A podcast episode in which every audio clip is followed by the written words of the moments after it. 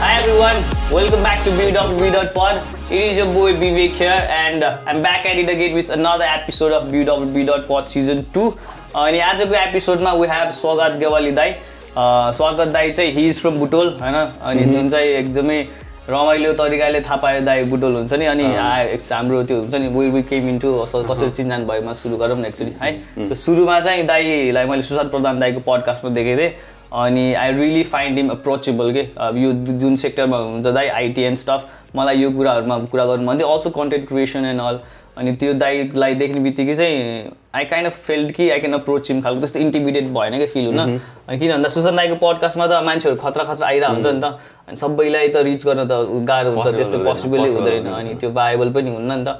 अनि त्यो पोटेन्सियल आफूसँग नि हुनु पऱ्यो अनि तपाईँसँग देख्दाखेरि चाहिँ I can approach maybe I can approach him खालको भयो क्या सजिलो जस्तो फिल हुन्छ नि त इन्टुइटिभली त्यो हुने बित्तिकै I just reach you out अनि आई रियली ग्ल्याड कि रेस्पोन्स भयो। अनि त्यसपछि चाहिँ दाइले चाहिँ म बुट के अरे सरी आउनु त हुन्थ्यो तर म बुटोलको हो तपाईँले काठमाडौँको हो सोच्नु भएको थियो क्या होइन? लाइक मलाई पडकास्टमा अरू पनि साइडबाट इन्भिटेसन आइरहेको हुन्छ सबै काठमाडौँको क्या अनि म म बुटोलको भनिसकेपछि त्यहाँबाट ब्रेक हुन्छ कि?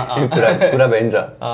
त्यही भएर म बुटोलको भनिसकेपछि त्यहाँ कि त यता जान्छ रो रोए कि त यता जान्छ? त्यही भएर त्यो भने त्यसपछि तिमी पनि बुटोलको रहेछौ।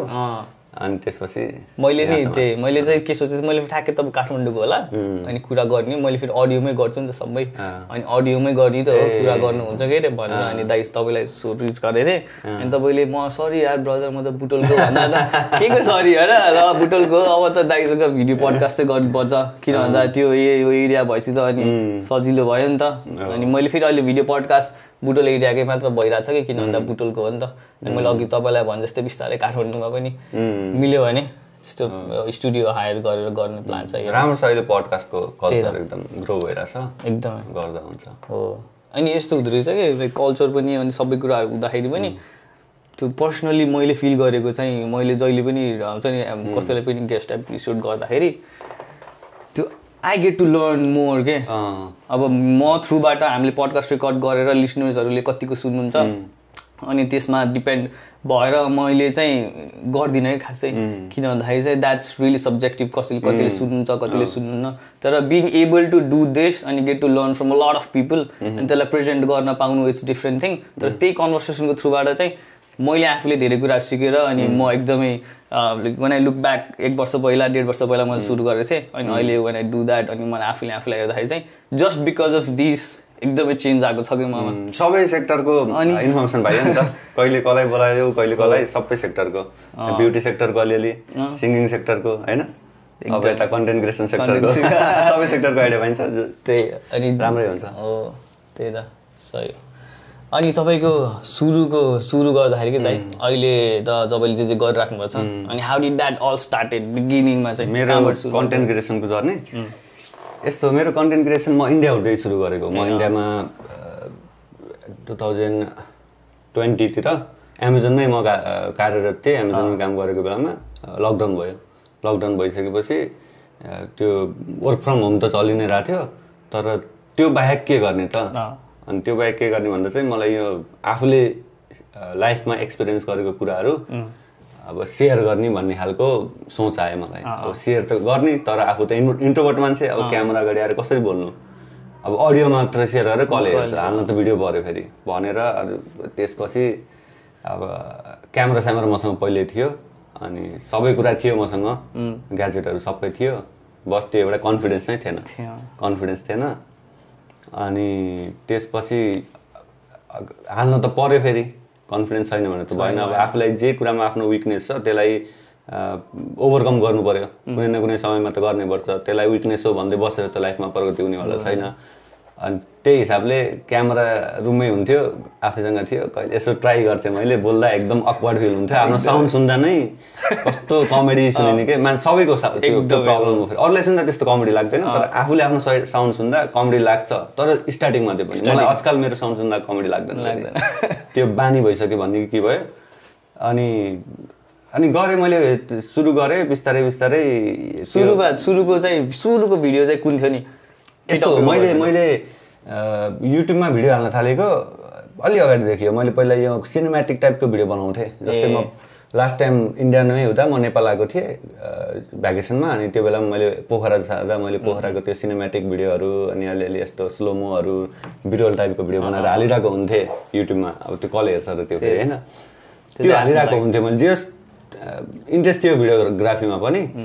अनि त्यसपछि यो आफ्नो फेस देखाएर चाहिँ फेस देखाएर बोलेर हान्नु भनेको त अब डिफ्रेन्ट डिफ्रेन्ट भयो त डिफ्रेन्ट भयो एकदम अर्कै कुरा भयो। अनि त्यो पनि मैले फर्स्ट भिडियो मैले हालेको भनेको यो मैले फेरि इन्डियामा मोटो ब्लगिङ गर्छु भनेर त्यो जोस आयो फेरि एक बेलामा होइन? अनि मोटो ब्लगिङ गर्छु भने मैले गोप्रो किनेँ फेरि। चापीमा पनि ग्रो गोप्रोको उस देखिरहेको मैले। मेरो किमा मलाई गोप्रोको एकदम मनपर्छ क्या त्यो ब्रान्ड त्यो प्रडक्टहरू मनपर्छ। अनि गोप्रो पनि किनेँ मैले जस्ट ब्लगिङ सुरु गर्छु भनेर। इन्डियामा हुँदा बेङ्गलोरमा हुँदा। त्यसपछि गोप्रो किनेँ अनि त्यसपछि अब त त्यत्रो इन्भेस्टमेन्ट गरेछु सुरु त गर्नुपर्छ। अनि एक दिन म मेरो मोबाइल रिपेयर गर्नुपर्ने थियो हुवावीको सर्भिस सेन्टरमा जानु पर्यो। अनि अगाडि हालेँ बल्ल बल्ल क्यामेरा अगाडि हालेँ। अब मान्छेहरूले त हेर्छन् बाटोमा। त्यति बेला लकडाउनको पिरियड थियो त्यही भएर बाटो त्यस्तो भिड थिएन। नत्र त एकदम क्राउडी एरिया हो बेङ्गलोर भनेको। कोही नहुँदा यस गइयो अलिअलि गरियो बाटो बाटोमा होइन? अनि त्यसपछि त्यो त्यहाँबाट जस त्यस त्यस्तोबाट अलिकति भिडियो एडिटिङ यताउति सानो सानो कुराहरू चाहिँ त्यहाँबाट नि एडिटिङ त मैले सिकेको यो सिनेमेटिक बनाउँदाबाटै अलिअलि सिकेँ हो। अनि त्यसपछि त्यो भिडियो हालेपछि अनि अर्को भिडियो त नाइ यो ब्लगिङ सेक्टरमा मेरो छैन। छैन। मेरो त्यो उस के भन्ने क्यालिबर छैन भन्ने कि के भन्ने? भने। यो सेक्टरमा त म बाहिर गएर बोल्दै जान अहिलेको अवस्थामा त म सक्दिनँ भन्ने खालको सिचुएसन आयो। त्यसपछि जाने पनि कहाँ जाने भन्ने कुरा हो नि त। त्यो लकडाउन थियो नत्र त अरू बेला हुन्थ्यो भने म साथीहरूसँग यो विकेन्डहरूमा क्लबहरू जाने घुम्न जाने गरिरहन्थ्यो त्यो बेला ब्लगिङ गर्न पनि सुहाउँथ्यो मिल्थ्यो अब लकडाउन छ म एक्लै छु कोही पनि साथी छैन वरपर। म एक्लै के गर्नु त्यहाँ। के देखाउनु मान्छेहरूलाई होइन? बन्द छ सबै। अनि यो बेलामा ब्लगिङ हुँदैन। एउटा एपिसोड त एउटा भिडियो मैले हालेँ। त्यो बाहेक त्यसलाई कन्टिन्यू गर्न मैले सकिनँ। त्यसपछि चाहिँ आफूले जानेको कुराहरू आफ्नो एक्सपिरियन्सहरू सेयर गरौँ भनेर मैले त्यति बेला अपवर्क गर्थेँ फ्रिल्यान्सिङ गर्थेँ। त्यति बेला मैले ड्रप सिपिङ पनि ट्राई गरेको थिएँ। त्यसमाथि मैले अब इन्डियामा गएँ यो यो ब्रोकर इन्डियामा फेरि एडमिसन गर्न ब्रोकर चाहिन्छ। केमा एडमिसन गर्नु कलेजमा एडमिसन ए, हो र? नेपालमा जस्तो सिधै उसमा गएर एडमिसन हुँदैन है ब्रोकरको हुन्छ डेफिनेटली हुन्छ तर त्यसरी गयो भने झन् महँगो पर्न जान्छ क्या उनीहरूले डोनेसन फी भनेर वान लाख एक्स्ट्रा लेखिदिन्छन् यस्तै यस्तै त्यस्तो टाइपको सिस्टम छ ब्रोकरसँग गयो भने उनीहरूले नि खान्छन् खान त तर अलिकति कम खान्छन् तर तनाव हुन्छ कि त्यो सबै कुराहरू नयाँ मान्छे यहाँबाट जाँदा त अब बाह्र पास गरेर जाने हो गर्दा अनि त्यो लास्ट दुःख पाएको नि त म इन्डिया इन्डियामा चाहिँ तपाईँ इन्डियाको कुरा गरिराख्दाखेरि कि इन्डियामा चाहिँ पढ्न जानुभयो तपाईँ पढ्न गएँ। म इन्जिनियरिङ पढ्न गएँ। इन्जिनियरिङ पढ्न गर्नु आइटी पढ्न गएँ म। अनि कहिले कति कति भयो टु थाउजन्ड फिफ्टिनको ए। टु थाउजन्ड फिफ्टिनमा म जोइन भएँ। टु थाउजन्ड नाइन्टिनमा म पास आउट भएँ। त्यही त्यही त्यही इन्टरभलको कुरा हो यो? अँ त्यही इन्टरभलको कुरा हो। त्यो इन्टरभलको कुरा होइन। ए त्यस भन्नाले त्यसपछि? त्यसपछि यो भिडियोहरूको कुरा त्यसपछि जुन म एमाजोनमा जोइन भएँ त्यसपछि बल्ल यो भिडियोको कुराहरू आएको। अनि त्यति बेला चाहिँ अब त्यस्तै त्यस्तै एक्सपिरियन्सहरू थियो यो इन्डियामा आउँदा के के कुराहरू हेर्ने कसरी दुःख पाउन सकिन्छ एउटा नेपालीहरूले। यहाँ आफ्नै मान्छेले कसरी ठग्छन् इन्डियामा होइन? मलाई आफ्नै मान्छेले नि ठग्यो क्या उहाँ? होइन? पैसाको लागि होइन? आफ्नै नजिकको क्लोज सर्कलले पनि पैसाको लागि सबै कुरा बिर्सिदिने क्या होइन? फ्रेन्डसिप रिलेसन सबै बिर्सिने त्यस्तो टाइपको मान्छेहरूलाई पैसाले नि बिगार्दो रहेछ भन्ने कुरा नि थाहा पाएँ। अनि जस इन्डियामा आउँदा धेरैले दुःख पाउँछन् क्या नेपालीहरूले इन्डियामा जाँदा बाहिरबाट त देखिन्न सेयर गर्ने कुरा नि भएन तर बहुत दुःख पाउँछन्। एडमिसन पर्पजलाई लिएर। मैले दुई वर्षसम्म दुःख पाएँ? फर्स्ट टु इयर्स दिमाग खराब हुने खालको दुःख पाएँ कि? मैले भोलि एक्जाम छ आज पढ्ने कि त्यो तिनीहरू एउटा एडमिसन एड के अरे एडमिट कार्ड भन्ने हुन्छ नि। त्यो नै नदिने कि कलेजले? ल। तेरो यो यो यो भएन ब्रोकरसँग मिला ऊ मिला भोलि एक्जाम छ। फर्स्ट सेमेस्टरको एक्जाम अझै यहाँबाट उहाँ बेङ्गलोर पढ्न गएको। फर्स्ट सेमेस्टरको एक्जाम भोलि छ म्याथको एक्जाम छ अनि एडमिट कार्ड नै दिएको छैन एडमिट कार्ड नदिएपछि म भोलिको के एक्जाम दिने एक्जाम दिने निदो छैन म आज के पढ्ने? टेन्सन के त्यो त्यस्तो टाइपको धेरै दुःखहरू पाइयो। त्यो यो इन्डियामा पढ्न धेरै जान्छ नि त कल्चर छ नि त? किन यो मेन त आइटीकै लागि सुन्छु कि मैले आइटीकै लागि पनि बढी जान्छ। बढी अनि जान्छ। फार्मेसी नर्सिङहरूको लागि जान्छन्। अनि अब फार्मेसी नर्सिङमा त कतिको के छ सिस्टम मलाई थाहा भएन तर आइटीमा चाहिँ मैले पढेको कलेजदेखि लिएर मेरो जुन सर्कलहरूको चिनेको कलेजहरूमा चाहिँ सबैमा त्यो प्रब्लमहरू छ कि यो ब्रोकरहरू। ब्रोकर फेरि इन्डियन हुँदैनन् कि नेपाली? नेपाली हुन्छ। नेपाली ब्रोकर यहाँबाट स्टुडेन्ट भनेर गएको उहाँ पढ्न सढाइ त्यसपछि ल्याटिन गरेर कटाउन नसक्ने त्यसपछि के गर्ने? ब्रोकर गर्ने। त्यस्तो टाइपको पुरै नेपाली त्यही ब्रोकरहरू। अनि उनीहरूले नेपालीलाई नै ठग्ने फेरि। होइन? अलिअलि गरेर लास्टै ठग्दिने। त्यो कुराहरू पनि सेयर गर्छु। प्लस फ्रिल्यान्सिङ गरिरहेको थिएँ राम्रै इन्कम आइरहेको थियो त्यो पनि सेयर गर्छु। नेपालमा त्यति बेला थाहै रहन्छ कि धेरैलाई अपरको बारेमा? अहिले पनि त थाहा छैन। तपाईँहरू मैले भिडियो बनाएपछि पनि धेरैलाई थाहा भयो क्या अनि त्योभन्दा अगाडि नेपालमा अपरको भिडियो बनाउने मान्छे नै थिएनन्। गर्ने फेरि थिए। केही हदसम्म थिए गर्ने मान्छे तिनीहरूले भक्कु कमाए तर अरूलाई सेयर नै नगर्ने गर्ने हो। किनभने तिनीहरू त्यो सिक्रेट भयो जस्तो भयो नि त सेयर गर्यो भने त अरूले थाहा पाउँछ कम्पिटिसन हुन्छ। कम्पिटिसन डेफिनेटली कम्पिटिसन त्यही त। अनि त्यो चिजमा चाहिँ जस तपाईँले चाहिँ एज अ पर्सन सेयर गर्नुपर्छ भन्ने चाहिँ एउटा रेस्पोन्सिबिलिटी जस्तो फिल भयो। मैले त्यही त मैले कन्टेन्ट क्रिएसनलाई यसरी अगाडि बढाउँछु यस्तो यस्तो टाइपको कन्टेन्ट बनाउँछु भनेर त्यसरी प्लान आउट गरेको थिइनँ मैले जस्ट आफ्नो एक्सपिरियन्स मल्टिपल कुराहरूको एक्सपिरियन्स छ मलाई। ब्रिफली मैले हरेक कुराको कुराहरू सेयर गर्छु। कोही न कोहीलाई त फ्रुटफुल हुन्छ त्यो कुराले भन्ने सोचले नै सुरु गरेको। सुरुमा अप्परको भिडियो बनाएँ। त्यसपछि त्यो भिडियोमा राम्रो रिच गयो भनौँ कि के भनौँ धेरै धेरैले कमेन्ट आउ कमेन्ट आउनु थाल्यो। थ्याङ्क यू टाइपको कमेन्ट त्यसपछि अनि फर्दर क्वेरी आउँछ नि त। अपरको भनेर त मैले इन्ट्रोड्युस गरेँ तर त्यसमा साइन अप गर्दादेखि लिएर प्रपोजल पठाउँदा मल्टिपल प्रब्लमहरू आउँछ यस यसको भिडियो बनाउनु पऱ्यो यसको भिडियो बनाउनु पऱ्यो यसको भिडियो बनाउनु पऱ्यो भन्दा त्यही भन्दा भन्दा भन्दै डेढ वर्ष डेढ वर्ष भइसकेको छ क्या। ए अहिले कति वर्ष भयो टोटल? डेढ वर्ष नाग्यो जस दुई वर्ष चाहिँ भएको छैन अझै। ए, अनि यो के अपवर्डकै कुरा गर्दाखेरि के बेसिकली के अहिले भर्खरै पनि हुन्छ नि इफ एनी वाज लिसनिङ अनि दे हेभ नो आइडिया अब जनरली कुरा गर्दाखेरि होइन के हो यो अपवर्ड भनेर सुनिराखेको छ लाइक जनरली भनौँ न। अपवर्क भने चाहिँ फ्रिल्यान्सिङ प्लेटफर्म हो। फ्रिल्यान्सिङ भनेको चाहिँ इन्डिपेन्डेन्टली के कसैको अन्डरमा नरहिकन आफूले इन्डिपेन्डेन्ट प्रोजेक्टहरू लिने लिने। अब त्यो प्रोजेक्ट अब नेपाल बेस्ड पनि हुनसक्यो मेनली त फरेन बेस्ड नै हुन्छ। विदेशकै प्रोजेक्टहरू लियो। त्यसपछि काम गर्यो डेलिभर गरिदियो पैसा पायो ट्याक्क। इन्डिपेन्डेन्टली कन्ट्र्याक्टर हिसाबले काम गर्नेलाई नै फ्रिल्यान्सिङ भनिन्छ। अनि अपवर्क भनेको त एउटा राम्रो फ्रिल्यान्सिङ प्लेटफर्म हो। नम्बर वान नै भन्दा भयो। अब नम्बर टूमा फाइबर भन्ने पनि छ। अरू अरू छ तर अरू भनेको जस नम्बर वानमा अपवर्क नै आउँछ। त्यही त। मैले पनि त्यसमा जोइन गरेको थिएँ अनि त्यसबाट मेरो राम्रो ग्रोथ भयो। गुड अमाउन्ट अफ मनी एकदम। त्यो त आफ्नो स्किल छ र त्यो जुन छ नि आफूले ट्याप गर्न सक्यो कसरी रिच गर्नु पर्यो अनि the more you do it अनि त्यति धेरै हुने हो नि त। अनि मेरो एक दुईजना साथीले चाहिँ गरेको थाहा पाएको छु कि मैले। अनि they are like making a lifestyle out of it नै क्या त्यो भनेको एकै ठाउँमा बसेर गर्नुपर्ने पनि छैन नि त। यु क्यान बी एनीवेयर अनि यु क्यान वर्क अनि दे आर ट्राभलिङ पनि होइन अनि काम पनि गरेर हुन्छ। एउटा अब यति एउटा प्रोडक्ट लि प्रोजेक्ट लिने हो त्यो सेसनको आफूले टाइम छुट्याउने हो। अनि if you don't want like अब यसैमा मात्र गरेर कमाउँछु वाला हुन नि त कसै कसै अहिलेलाई त। यो हाम्रो एजमा त कमाउने अलिअलि घुम्ने खालको सेन्स हुन्छ नि। त्यसलाई त एकदमै फ्री स्टाइलकै रमाइलो। अनि घुमेर पनि रह हुन्छन् अनि एउटा सर्टेन अमाउन्ट ल अब चाहिँ पैसा कमाउनु पर्छ खालको भएपछि प्रोजेक्ट यताउति खोज्यो गऱ्यो। होइन फेरि घुम्न गयो। ट्याके त्यो त्यही लाइफस्टाइलको कुरा गर्दा मेरो मेरो पनि जति पनि यो मैले मेरो लाइफस्टाइल भनौँ न अपवर्कले धेरै चेन्ज गरिदिएको छ क्या। त्यो हिसाबले चेन्ज नगरिदिएको भए मैले सायद कन्टेन्ट क्रिएसनमा युज हुने ग्याजेटहरू किन्न एफोर्ड गर्न गाह्रो हुन्छ। महँगो महँगो ग्याजेटहरू हुन्छ। हुन त मोबाइलबाट नि सकियो तर इभेन्चुअली एउटा लेभलमा गएर त अपग्रेड गर्नै पर्छ होइन? अनि ग्याजेटहरू एकदम महँगो। सबै ग्याजेटहरूदेखि लिएर सबैमा इन्भेस्टमेन्ट गर्दा एउटा राम्रो लगानी लाग्छ क्या अनि त्यो लगानीहरू सबै म्यानेज गरिदिन हेल्प गरेको मलाई अपवर्कले अपवर्कले मेरो अन्तको अन्त सोर्स त छैन। हामी त एभरेज मिडल क्लास फ्यामिलीबाट हो। न त्यो त्यस्तो केही पनि छैन। त्यो ब्याकअप केही पनि छैन। त्यही भएर अपवर्कले जस मेरो लाइफस्टाइल एकदम राम्रोसँग बुस्ट गर्यो पोजिटिभ वेमा त्यही त।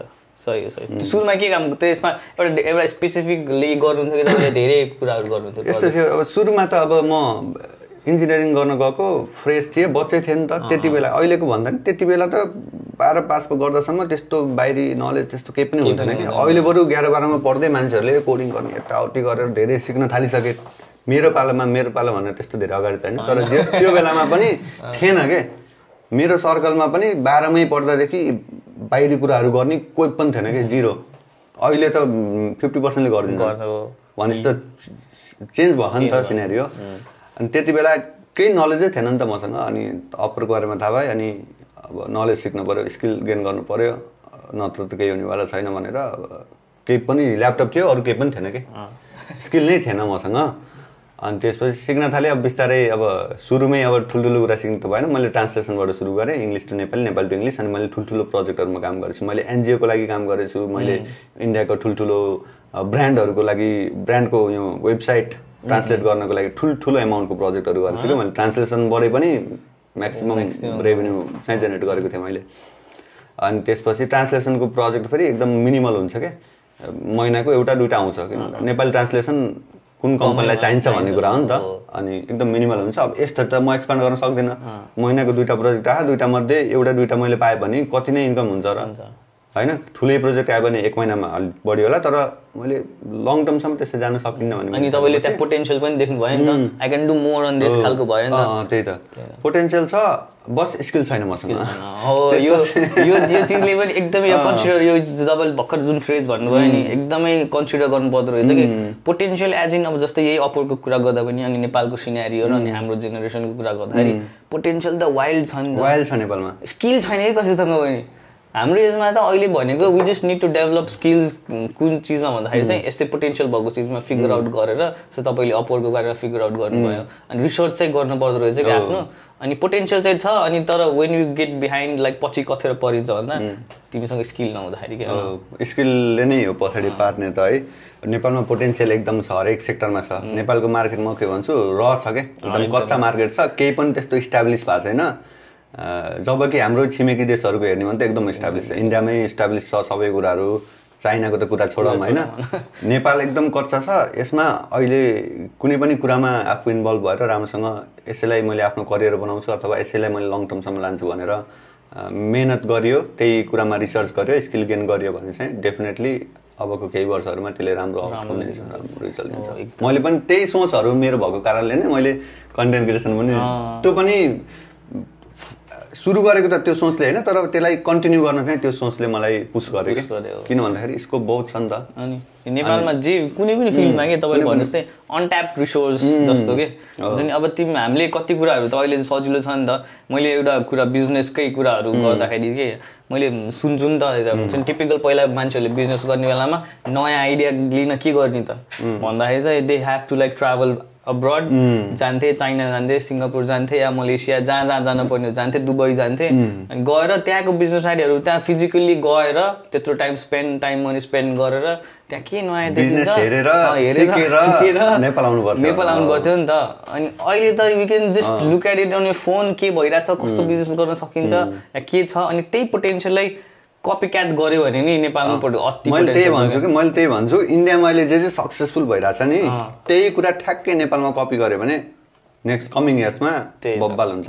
किन भन्दा अब यो डेमोग्राफिकली पनि हामी एउटै एउटै एउटै। एउटै सबै एउटै मान्छेको कल्चर सेम छ अनि त्यसपछि सोचाइ सेम छ। छ। चाहिँ हो भनेको यो सोच हो नि त साइकोलोजी हो। त्यही त। त्यही भएर म त के भन्छु इन्डियामा अब जे पपुलर छ कन्टेन्ट क्रिएसनदेखि लिएर अब इन्डियाको कन्टेन्ट क्रिएटरहरूलाई इन्डियन यो जुन सेलिब्रिटी सुपरस्टार हिरोहरू छ नि त्योभन्दा बढी राम्रो इज्जत छ क्या अहिले क्यारिमिनाटी हेर न। त्यही त। क्यारिमिनाटी सलमान खानलाई र क्यारिमिना मिनाटीको एउटा छुट्टा छुट्टै कन्सर्ट अथवा केही त्यो सो बनायो भने। त्यहाँ डेफिनेटली क्यारिमिनाटीको बढी अडियन्स आउनेवाला आउँछ जस्तो लाग्छ कि मलाई चाहिँ। त्यति ठुलो बेस बनाएको छ कि त्यो कल्चरली पनि चेन्ज भयो कि एउटा हेर्ने जस्तै हुन्छ नि पहिलाको जुन सलमान खान र टेलिभिजन एन्ड फिल्मको जुन जमाना थियो अनि त्यति बेलामा हुन्छ नि हामी म बच्चा हामी बच्चा हुँदाखेरिदेखि लिएर अहिले त that is totally shifting into यो नयाँ टेक्नोलोजी र अनि अलिक कुल स्टफहरू अनि यो कसले के गर्छ होला नि त it's not just about acting anything त्यो वाला छैन क्या फिल्म लाइनमा मात्र नभएर कति एक्टर एक्ट्रेसहरू त युट्युबमा आइसक्यो नि त। अब इन्डियाको ज्याकलिनदेखि लिएर यो धेरै छन्। अब नेपालको पनि अहिले नेपालमा पनि अहिले त वात्तै एक्ट्रेसहरू त युट्युब लाइनमा। त्यो पोटेन्सियलै त्यता छ। पोटेन्सियल छ त्यसमा अनि प्यासिभ टाइपको इन्कम आउँछ हिसाबले। अनि एक्सपोजर पनि राम्रो मिल्छ। त्यही भएर फिल्म लाइनमा मात्र सीमित नभएर त्यसमाथि लकडाउनले पनि एउटा ठुलो ब्रेक दियो। लकडाउनले गर्दा हो नि त सबैको सबैलाई गाह्रो भएको अँ, एकदमै। त एक्टरहरूलाई त लकडाउनले धेरै क्षति पुऱ्यायो नि। अनि सबैको हातमा अनि फोन त हुन्छ खास खास कुराहरू। त्यसले गर्दा नि यो युट्युब सिट्युब कन्टेन्ट क्रिएसनमा चाहिँ आएको हुनसक्छ। यो प्यासिभ इन्कमको कुरा गर्दाखेरि के किन भन्दाखेरि अहिले धेरै अब यो जुन यो प्यासिभ इन्कम भनेको त इट्स बिन देयर होइन? बाहिर अब्रडमा छ नेपालमा चाहिँ हामीलाई बल्ल बल्ल। सो युट्युबबाट पैसा कमाउन सकिन्छ भन्ने चिज सुन्दाखेरि हाम्रो अब अलि पहिला तिन चार वर्ष अगाडि पाँचै वर्ष अगाडि हामी अलिक सानो हुँदाखेरि। अनि अब त्यतिखेर नि थियो नि त। अनि-। अनि त्यतिखेर हुँदाखेरि पनि त सुन्दाखेरि के? युट्युबबाट पैसा कमाइन्छ केही नगरिकन होइन? वाला त्यो वाला सेन्स थियो नि त। अनि अहिले चाहिँ इट्स बिकमिङ मोर प्र्याक्टिकल अनि अझै ह्युज स्केलमा भइरहेछ नि त। अनि त्यो प्यासिभ इन्कममा चाहिँ त्यो तपाईँको कस्तो पर्सपेक्टिभ छ कि लाइक कत कसरी गर्नुपर्छ या तपाईँ कतिको एसपायर गर्नुहुन्छ त्यसको लागि कस्तो छ त्यो? मेरो मेन फोकस भनेकै प्यासिभ इन्कममा म बढी फोकस गर्छु। मलाई चाहिँ त्यो लङ टर्मसम्म काम गरेको गरे गर्न मलाई अलिकति ठिक लाग्दैन कि। मैले चाहिँ मैले काम नगरे पनि मसँग भएको कुराहरूले चाहिँ पैसा कमाइरहोस् भन्ने खालको। अब इक्जाम्पलको लागि युट्युब पनि त एउटा त्यस्तै भयो नि त। म अहिले यहाँ पड्काएको छु कमाइरहेको छ मेरो युट्युबले पैसा। वान डलर टू डलर कति कमाइसक्यो होला? हामी यहाँ बस्दा बस्दै। त्यस्तो टाइपको एउटाले मात्र पुग्दैन फेरि। एउटाले मात्र पुग्दैन। लाइफस्टाइल राम्रो बनाउनु एउटाले पुग्दैन। त्यस्तै मेरो अहिले जुन युट्युब छ त्यस्तै मैले एउटा दुइटा तिनवटा। तिनवटादेखि चारवटा मैले त्यस्तै प्यासिभ इन्कमको सोर्सहरू बनाएँ भने त मलाई एउटा मेरो लाइफस्टाइल पनि राम्रो हुन्छ। मलाई प्लस त्यसमा चौबिसै घन्टा इङ्गेज हुनु पनि पर्दैन। मैले आफ्नो लाइफ घुम्न जान पाउँछु मैले रमाइलो गर्न पाउँछु मैले साथीभाइसँग भेट्न जान पाउँछु तर मैले इस्टाब्लिस गरेको सिस्टमले मलाई प्यासिभ इन्कम दिइरहेको छ। म त्यो कुराहरूमा काम पनि गर्दैछु अहिले। जुन एउटा दुइटा तिनवटा भने नि त्यसमा म काम पनि गरिरहेको छु तर बिस्तारै त्यस त्यो कुराहरूलाई पब्लिकली आउँछन् भने त्यो कुरा अहिले चाहिँ ब्याकग्राउन्डमा मैले काम गरिरहेको छु। अनि यो ठ्याक्क के प्यासिभ इन्कम भनेर नर्मली मान्छेले के हामीले पनि सुन्नु सुन्ने बेलामा सुन्ने बेलामा त कस्तो एक्साइटिङ सुन्छ नि त काम नगरिकन पैसावाला हुन्छ नि तर that is not the actual actual sense नि त। प्यासिभ इन्कम भनेको त तिमीले काम नगर्ने एक्चुअली तिमीले अझै धेरै काम गर्नुपर्छ। बहुत धेरै काम। ल मलाई यो प्यासिभ इन्कम आउनु त डेढ वर्षको मेहनत हो नि त। अनि मलाई डेढ वर्षभन्दा बढी भइसक्यो। डेढ वर्षसम्म नथाकिकन कन्टेन्ट प्रड्युस गरेको गरे गर्दा आज त्यही कन्टेन्टहरूले मलाई रेभेन्यू दिइरहेको डेढ वर्षको त्यो पछाडिको ब्याकग्राउन्डको मेहनत चाहिँ मान्छेहरूले देख्दैनन् के? अनि ए यो त आज यस्तो ठुलो भयो यसले यति कमाउँछ यति कमाउँछ भन्ने मात्र हेर्छन्। तर ब्याकग्राउन्डमा त उसले डेढ वर्ष दुई वर्ष चार वर्षदेखि मेहनत गरेर आउँछ ब्याकग्राउन्डमा गाह्रो छ नि कन्टेन्ट क्रिएसन गर्न? मेन मेन भनेको यसमा जस्तै काम नगरिकन पैसा इन द सेन्स कि कन्टेन्ट क्रिएसनकोमा के कन्टेन्ट क्रिएट गर्ने बेला काम हुन्छ धेरै मिहिनेत गर्नुपर्छ सबै गर्नुपर्छ। यो प्यासिभ इन्कमको या अनि कुनै पनि चिजको के हुँदो रहेछ भन्दाखेरि जस्तै कम युट्युबकै भिडियोजहरूको पनि के? एक्चुअली बनायो। त्यो बनाउँदा जति मिहिनेत लाउनु पनि अरू सर्टेन काम गर्ने बेलामा पनि लाग्ने यो लाग्छ होइन। तर त्यति बेला त्यो काम गरेर तिमीले पेमेन्ट पाउँछौ या समथिङ आउँछ तिमी त्यसको रिटर्न त्यसको त्यही भ्याइन्छ कि नर्मली टिपिकल्ली यसमा चाहिँ त्यो भ्याइन्न। त्यो चाहिँ आइरहेको छ। त्यो हो कि Lifelong. मेन होइन एफोर्ट एफोर्ट चाहिँ इक्वली लाग्छ होइन? तर त्यो त्यसको स्ट्रक्चर के? पेमेन्ट स्ट्रक्चर त्यही त। एफोर्ट एकपल्ट लाग्छ। तर त्यसले चाहिँ लाइफ लङसम्म काम गरिरहेको छ। त्यही हो नि प्यासिभ इन्कम भनेको डिफ्रेन्स नै त्यही हो नि। हामीले जब गरेर जबबाट प्यासिभ इन्कम आउँदैन। आज एक दुई वर्षमा जब गरियो दुई वर्षमा पैसा आयो जब आज छोडिदियो भोलिदेखि पैसा आउनु छोड्यो। त्यही त। जब र प्यासिभ इन्कमको डिफ्रेन्स नै त्यही हो। त्यसमा चाहिँ आइरहेको छ कि त्यही हो कि। त्यसमा आइरहेको छ। त्यही भएर सकेसम्म आफ्नो जब त अब जबै गर्नुहुन्न भन्नु पनि भएन। जबै गरेन भने त डामाडोल भइहाल्यो झन्। अहिलेको नेपालको हाम्रो नेपालको सिनेरीमा त यो जब त गर्ने अनि प्यासिभ इन्कम भनेको त्यो साइड हसल साइड हसल त गर्नुपर्छ। एटलिस्ट साइड हसल चाहिँ एक दुईवटा केही राख्नै पर्यो। त्यो भयो भने लाइफस्टाइल राम्रो हुन्छ। होइन जबको जबबाट आएको रेभेन्यूले तिम्रो आफ्नो खर्च चल्छ आफ्नो फ्यामिली पाल्न सक्यो तर साइड हसलबाट यो साइड इन्कम आएकोले रमाइलो गर्न सक्यो अथवा सेभिङ गर्न सक्यो इन्भेस्टिङ गर्न सक्यो। त्यो भएर साइड चाहिँ राख्न सकिन्छ। मैले पनि त्यही जब त मैले गरेको छैन। किन भन्दाखेरि अहिले खासै जरुरी पनि छैन मलाई। यतै राम्रो भइरहेछ। अनि त्यो आफ्नो एक्सपिरियन्स पनि गरिसकेँ नि त मैले जबको जब गर्दाको एक्सपिरियन्स मैले गरिसकेँ। मैले लिटरली सबै कुराको एक्सपिरियन्स गरेँ। अब मलाई जे कुरामा बढी रमाइलो लाग्छ बढी किक मिल्छ भन्ने कि मिल्छ प्लस बढी रेभेन्यू कताबाट आउँछ। जबबाट त बढी रेभेन्यू आउन्न तिस हजार चालिस हजारमा पचासै हजार आउँछ। त्यो बाहेक त एक रुपियाँ पनि मलाई एक्स्ट्रा आउनेवाला छैन। मेहनत भने बहुत गर्नुपर्छ नेपालको केसमा अथवा जहाँको केसमा पनि। भने मैले त्यही मेहनत यता गर्छु त्योभन्दा कम गर्छु। मैले नाइन टु फाइभ पनि काम गर्नु पर्दैन त्योभन्दा कम गर्छु। त्यसले मलाई त्योभन्दा बढी रेभेन्यू दिइरहेको छ। डेफिनेटली कमन सेन्स म यतै आउँछु। एकदमै। यो चिज एकदमै। कस्तो भन्दाखेरि नाइन टु फाइभ को जब र अनि यस्तो यस्तो जे पनि हुन्छ नि we're not trying to demonize that धेरैले त्यसको काम दिइरहेछ तर इट्स अप ब्याक यस्तो like it comes back to what do you want कस्तो लाइफस्टाइल खोज्छौ तिमी होइन? तिमी कस्तो खालको मान्छे हो होइन? अब कसैलाई टेन टु फाइभ जबमै इन्जोय गरेर। उनीहरूलाई त त्यही ठिक छ। इन्जोय गर्ने मान्छेलाई त्यही ठिक छ। धेरै मान्छेको अब ठुल्ठुलो सपना नहुन सक्छ। होइन मैले महिनाको फिफ्टी थाउजन्ड पाइहाल्छु अथवा वान लाख नै पाइहाल्छु। त्यति भएपछि मेरो फ्यामिलीहरू पाल्न म सकिहाल्छु। अलिअलि सेभिङ भइहाल्छ। मेरो लाइफ म किन यता यता प्यासिभ। इन्कम भन्दै म किन दगुडामै झन्झट दुःख त त्यहाँ छ। दिमाग खराब हुने काम त्यहाँ हुन्छ बढी फेरि के गर्ने? ठिकै छ भन्ने खालको सोच हुन्छ। त्यो पनि उचित लेजिट राम्रै कुरा हो। उहाँहरूको लागि ठिक छ र अनि they are happy with that भने त त्यो हो नि त अनि त्यो मैले यो कुराहरू किन भन्दा यो मैले ख्याल गरेको कि आफू पनि पासिभ इन्कम अनि यो यो सबै कुराहरू अहिलेको अहिलेको टेक्नोलोजी अनि अलले गर्दाखेरि पोसिबल छ जुन चाहिँ। जुन चाहिँ पहिला थिएन होइन? अनि अहिले यो भइराख्दाखेरि चाहिँ what do you really want खालको पनि हुँदो रहेछ कि? सबैको लागि चाहिँ त्यो होइन रहेछ कि? सबै सबै यो फिल्डमा आउन सक आउन इन्ट्रेस्ट नै हुँदैन। Interest नै हुँदैन, त्यही। इन्ट्रेस्ट नै नआएको मान्छेले त जबरजस्ती प्यासिभ इन्कम कमाउँछु भनेर आएपछि त सक्सेसफुल त्यही हुँदैन त। अनि obviously you can benefit from that होइन यस्तै सेयर मार्केटहरू यस्तो यस्तोमा गर्ने कुराहरू छ।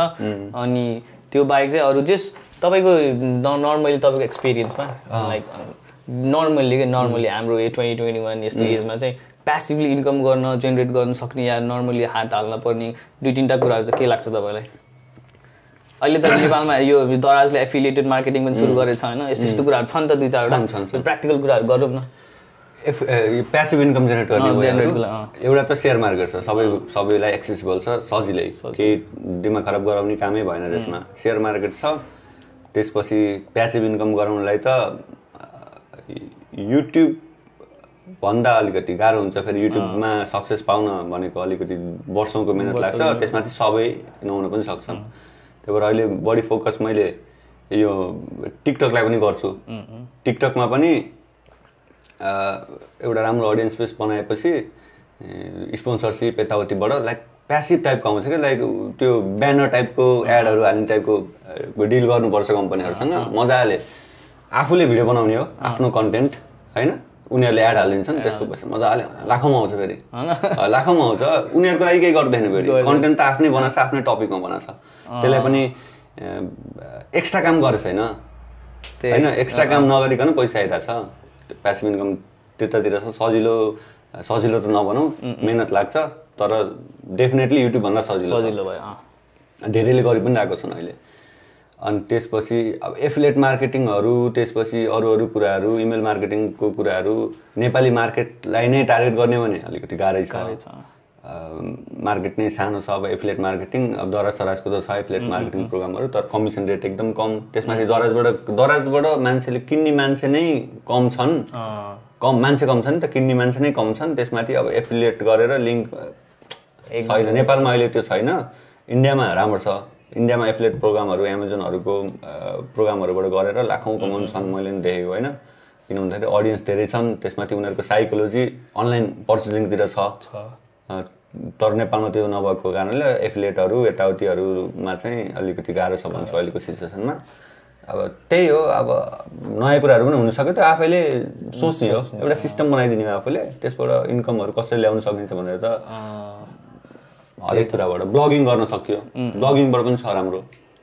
त्यही त यो यो। एकदमै मलाई पनि अहिले मलाई मलाई पहिलादेखि अलिकति कुराहरू इन्ट्रेस्टिङ लागेको चाहिँ यो एफिलिएटिङ मार्केटिङ अनि ड्रप सिपिङदेखि लिएर यस्तो यस्तो हुन्छ नि अपवर्डको कुराहरू। अलिअलि मैले आफूले चाहिँ केही गर्दैन तर त्यसको कुराहरू बुझ्न चाहिँ बुझेको थिएँ कि मैले।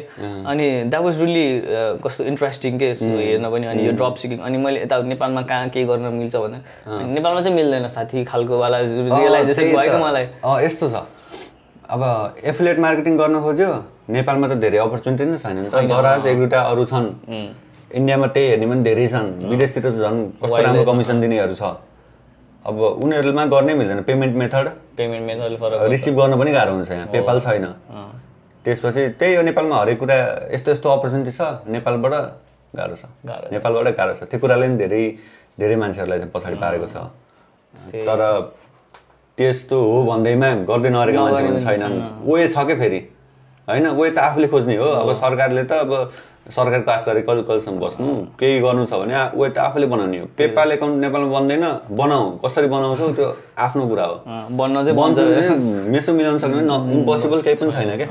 लिटरली सबै कुरा पोसिबल छ नेपालबाट तर सिधा बाटोबाट छैन अलिकति टेङ्गे जानु पर्छ टेङ्गे मतलब इलिगल भनिँदैन अलिकति बाङ्गे तरिकाले। आफ्नो क्रिएटिभ भनौँ न अलिकति क्रिएटिभ भएर अलिकति त्यो फिगर आफूले चाहिँ त्यो फिगर आउट Figure चाहिँ तिम्रो पोटेन्सियलको कुरा भयो। होइन? मैले चाहिँ अहिले मलाई पनि यस्तो सोचिराख्दाखेरि अहिलेको सि सिनारीमा चाहिँ यो हुन्छ नि कन्टेन्ट क्रिएसन प्यासिभ इन्कमदेखि लिएर नर्मली अहिले नेपालमा अर्को चिज देखेको मैले चाहिँ हामीले मैले पनि गरेर आएको यो पडकास्ट त छँदैछ। ब्रान्ड क्रिएसन ब्रान्ड ब्रान्ड बिल्डिङवाला सेन्स पनि अहिले बढिरहेको छ नि त्यो पनि एज इन कस्तो लाग्छ तपाईँलाई? राम्रो हुन्छ कि जस्तो लाग्छ? तपाईँ किन अघि भर्खर तपाईँले दराजको ड्रप सिपिङको कुरा गर्दाखेरि मलाई क्लिक भएको के? अपर्च्युनिटी लाइक त्यो उस गर्ने मान्छेहरू कम छ नि त। अनि त्यसमा पोटेन्सियल कम छ। अनि यु क्यान स्केल एउटा लिमिट भन्दा माथि स्केल हुन सक्दैन नि त। अनि यो ब्रान्ड बिल्डिङ अहिले नेपालमा त जे सबैको यहाँ नेपाल आफ्नै ब्रान्ड बनाउने खालको सेन्स सिनारी छ नि। अहिले बल्ल त्यो चलिरहेछ एक हिसाबले राम्रो पनि हो लाग्छ मलाई होइन? तर how success it's going to be खालको नि हुन्छ यो क्वेसन कतिजना फ्युचरमा डेफिनेटली सक्सेसफुल हुनसक्छ हुन्छ जस्तो लाग्छ मलाई। अब अहिले नेपालको सर्टेन डेमोग्राफिक रिजनमा भएको मान्छेहरूमा मात्रै इन्टरनेट एक्सेसिबल छ अथवा इन्टरनेट एफोर्डेबल छ भन्छु म त। एक्सेसिबल त होला एफोर्डेबल कति महँगो छ नेपालको इन्टरनेट है? अब वाइफाई हाल्यो भने त बरु महिनाको हजार बाह्र सय तिर्नु पऱ्यो त्यो पनि सबैलाई सबैले एफोर्ड गर्न सक्दैनन्। अनि सबै सबैसँग त्यो ल्यापटप स्यापटप वाइफाई हाल्ने खालको त्यो रिच पनि हुँदैन गाउँतिर होइन? नपुग्न सक्छ। त्यही भएर मेन भनेको यो हाम्रो मोबाइलको अपरेटरहरू जुन एनटिसी एनसेल जुन जति पनि अपरेटरहरू छ उनीहरूले चाहिँ यो मोबाइलको डेटा इन्डियाको जुन जियोले गर्यो नि त्यस्तो टाइपको अहिले हुन त सिजीले ल्याउँदैछ भन्ने खालको यो सिजीले युनिफाइड लाइसेन्स पाउने भन्ने खालको कुरा छ। त्यो पाएर अलिकति डेटा अलिकति सस्तो अथवा अनलिमिटेड महिनाको दुई सय पचासको प्याकेज लिग।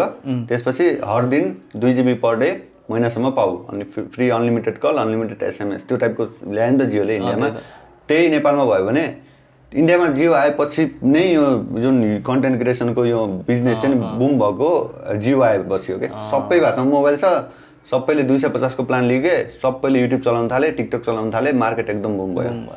त्यस्तै नेपालमा पनि अब होपफुल्ली सिजीले ल्यायो भने अझ सिजीकै कुरा नगरौँ अरू पनि कुनै त्यस त्यस्तै खालको कुराले अहिले रिच नभएको जुन मार्केटलाई पनि रिच गरेर तिनीहरू पनि अनलाइन यो दुनियाँमा आउन सक्यो भने त डेफिनेटली धेरै मान्छेहरू छन् अनरिच्ड अनट्याप्ड मान्छेहरू छन्। उनीहरूले त्यता आयो भने त ग्रो हुन्छ ब्रान्ड ब्रान्ड बिल्डिङ गरेको मान्छेहरूलाई पनि प्रफिटेबल हुन्छ उनीहरूलाई सबैतिर राम्रो हुन्छ। राम्रो हुन्छ कि? हो त्यही त कस्तो त्यो इन्डियाको इक्जाम्पल लिँदाखेरि कस्तो मैले त सबै एक्जाम्पल इन्डियाकै लेख्छु कि? किन भन्दाखेरि म पाँच वर्ष इन्डियामा बसेँ मैले त्यो ग्रोथ देखेको छु क्या म म इन्डियामा बस्दा त्यो जियो आउनुभन्दा अगाडि नै मैले आइडिया युज गरिरहेको थिएँ अनि मलाई थाहा थियो कति प्रब्लम थियो त्यो आइडियामा।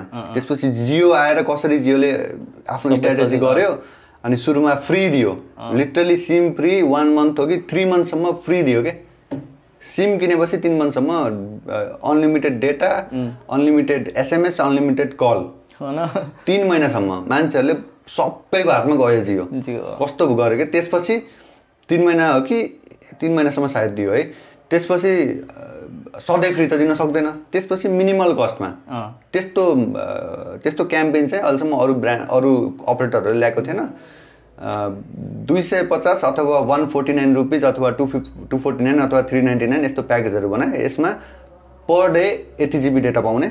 जस्तै one forty nine rupees per मन्थको प्याकेजमा per day one GB one GB per day data पाउने। त्यसपछि per day hundred SMS free unlimited call त्यही त। त्यस्तो टाइपको प्लान ल्याइदियो कि? भनेपछि दिनको एक जिबी पाइयो वान फोर्टी नाइन एक मन्थसम्म भनेपछि तिस जिबी पाइयो कि? कति सजिलो भयो? युट्युबै हेर्छु भने पनि पाइयो टिकटकै हेर्छु भने पनि पाइयो। नेपालमा त मैले एनसेलको डेटा युज गर्छु। वाइफाई त म धेरै जस्तो बाहिरै हुन्छु त्यही भएर मलाई डेटा चाहिन्छ म एनसेलको डेटा युज गर्छु। बहुत गाह्रो छ। बहुत गाह्रो छ नि। मैले। उताबाट वाइफाईमा तिर्ने पैसा मैले यता तिरेको हुन्छु। तिरा हो, exactly. डबल खर्च भइरहेछ। अनि अनि सबैले एफोर्ड गर्न सकिन्न। सकिन्न नि। अनि पोसिबल त छ नि त। लाइक अब त्यो इन्डियाकै इक्जाम्पलमा गर्दाखेरि अरूले गरेको थिएन अनि त्यसो जियोले गर्यो। भनेपछि तिनीहरूले आफ्नो बिजनेस सस्टेन हुन सक्ने भएर त्यो स्टेप लिएको आयो नि त बहुत कमायो नि त्यो जियो त रिलायन्सले त्यो सिम निकालेपछि त भक्कु कमाएको नि। एक्ज्याक्टली अब त्यस्तो तिन महिनासम्म अब तिनीहरूको स्ट्राटेजी कस्तो खतरा कि होइन? अब फ्री यताउति गरेर तिनीहरूले पुरै ब्याकअप प्लान गरेर त गऱ्यो होला नि त कसरी त पुरै गरेर। त डेफिनेटली उनीहरूको त दस वर्ष बिस वर्ष लङ लाइफ लङको प्लान तिनीहरूको थियो। तिन महिना त इट्स नथिङ फर देम सुरुमा कम्पेयर गर्दा त। लसमै गयो नि त तिन त। फ्रीमै दिइरहेको छ सबै कम्पनी लसमै छ। तर अहिले उनीहरूले जसरी ओभरकम गरे अहिले हरेक मान्छेसँग एउटा जियो सिम छ क्या इन्डियामा? मसँग पनि थियो। होइन जियो नै युज गरेँ नि त मैले त्यसपछि। त्यसपछि मेरो सर्कलका सबैले जियो नै युज गरे। एयरटेल आइडिया भोडाफोन युज गर्ने मान्छेहरूले त्यो युज गर्न छोडेर जियो युज गर्न थाले अथवा आफूले युज गर्ने जुन सिम सिम हुन्छ नि त्यो सिमलाई आइडियाको सिम थियो भने त्यसलाई जियोमा पोर्ट गर्न थाल्यो कि? चेन्ज गर्न मिल्छ पोर्ट गर्न मिल्छ त्यही नम्बर हामीले जियोमा पाउन सकिन्छ। त्यस्तो गरेर मार्केट खाइदियो जियोले।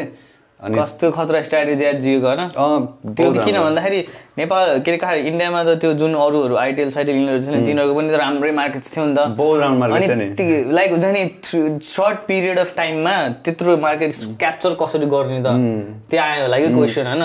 अनि त्यो त्यो स्ट्राटेजीले अर्को फाइदा के गरायो भन्दाखेरि अब जियोले यस्तो अफर गर्न थालिसक्यो। पर मन्थ मन्थली प्याकेज दिन थाल्यो भनेपछि त अरूले अनि दिनको प्याकेज दिन थालेर फिफ्टी एमबीको प्याकेज दिन थालेर त भ्याइयो उनीहरू त टिक्न सक्दैनन् भनेपछि उनीहरू पनि अब कम्प्रोमाइज गरेर त्यो लेभलमा आउनु पर्यो। अहिले इन्डियामा लिटरली सबै अपरेटरले त्यही सिमिलर लेभलको प्लान दिन्छन्। जियो जस्तै सस्तोमा प्लान दिन थालिसक्छन् आखिर पोसिबल त थियो नि त त्यो।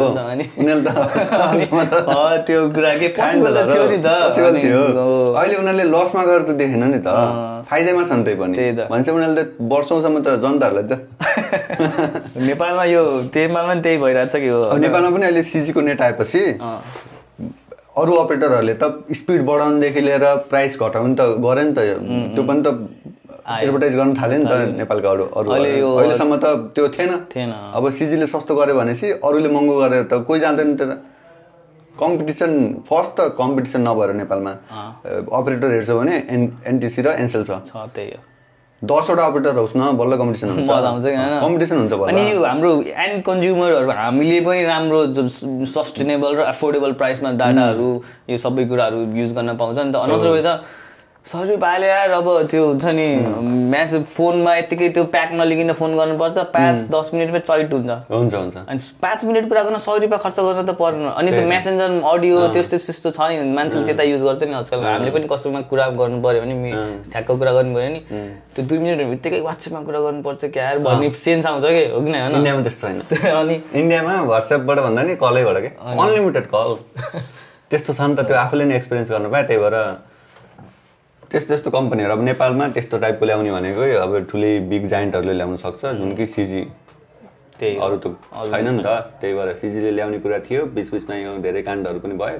अब अहिले युनिफाइड लाइसेन्स पाउने कुरा जस्तो पनि छ तर हेरौँ पायो भने त सबैको लागि राम्रो राम्रो। अब सुरुमा अलिकति फ्री दिएर मार्केट क्याप्चर गर्यो भने नेपालको मार्केट सानो छ भन्छु म सजिलै क्याप्चर गर्न सक्छ अनि एउटा सिजीको रेपुटेसन रेपुटेसन छ। ब्रान्ड छ। नि त। ब्रान्ड हो। अनि अनि त्यसपछि त्यो भयो भने त नेपालको यो डिजिटल सेक्टर त अझै बुम हुन्थ्यो नि त। अनि हो यसले एकदमै रोल प्ले गर्दै त्यही हो नि त।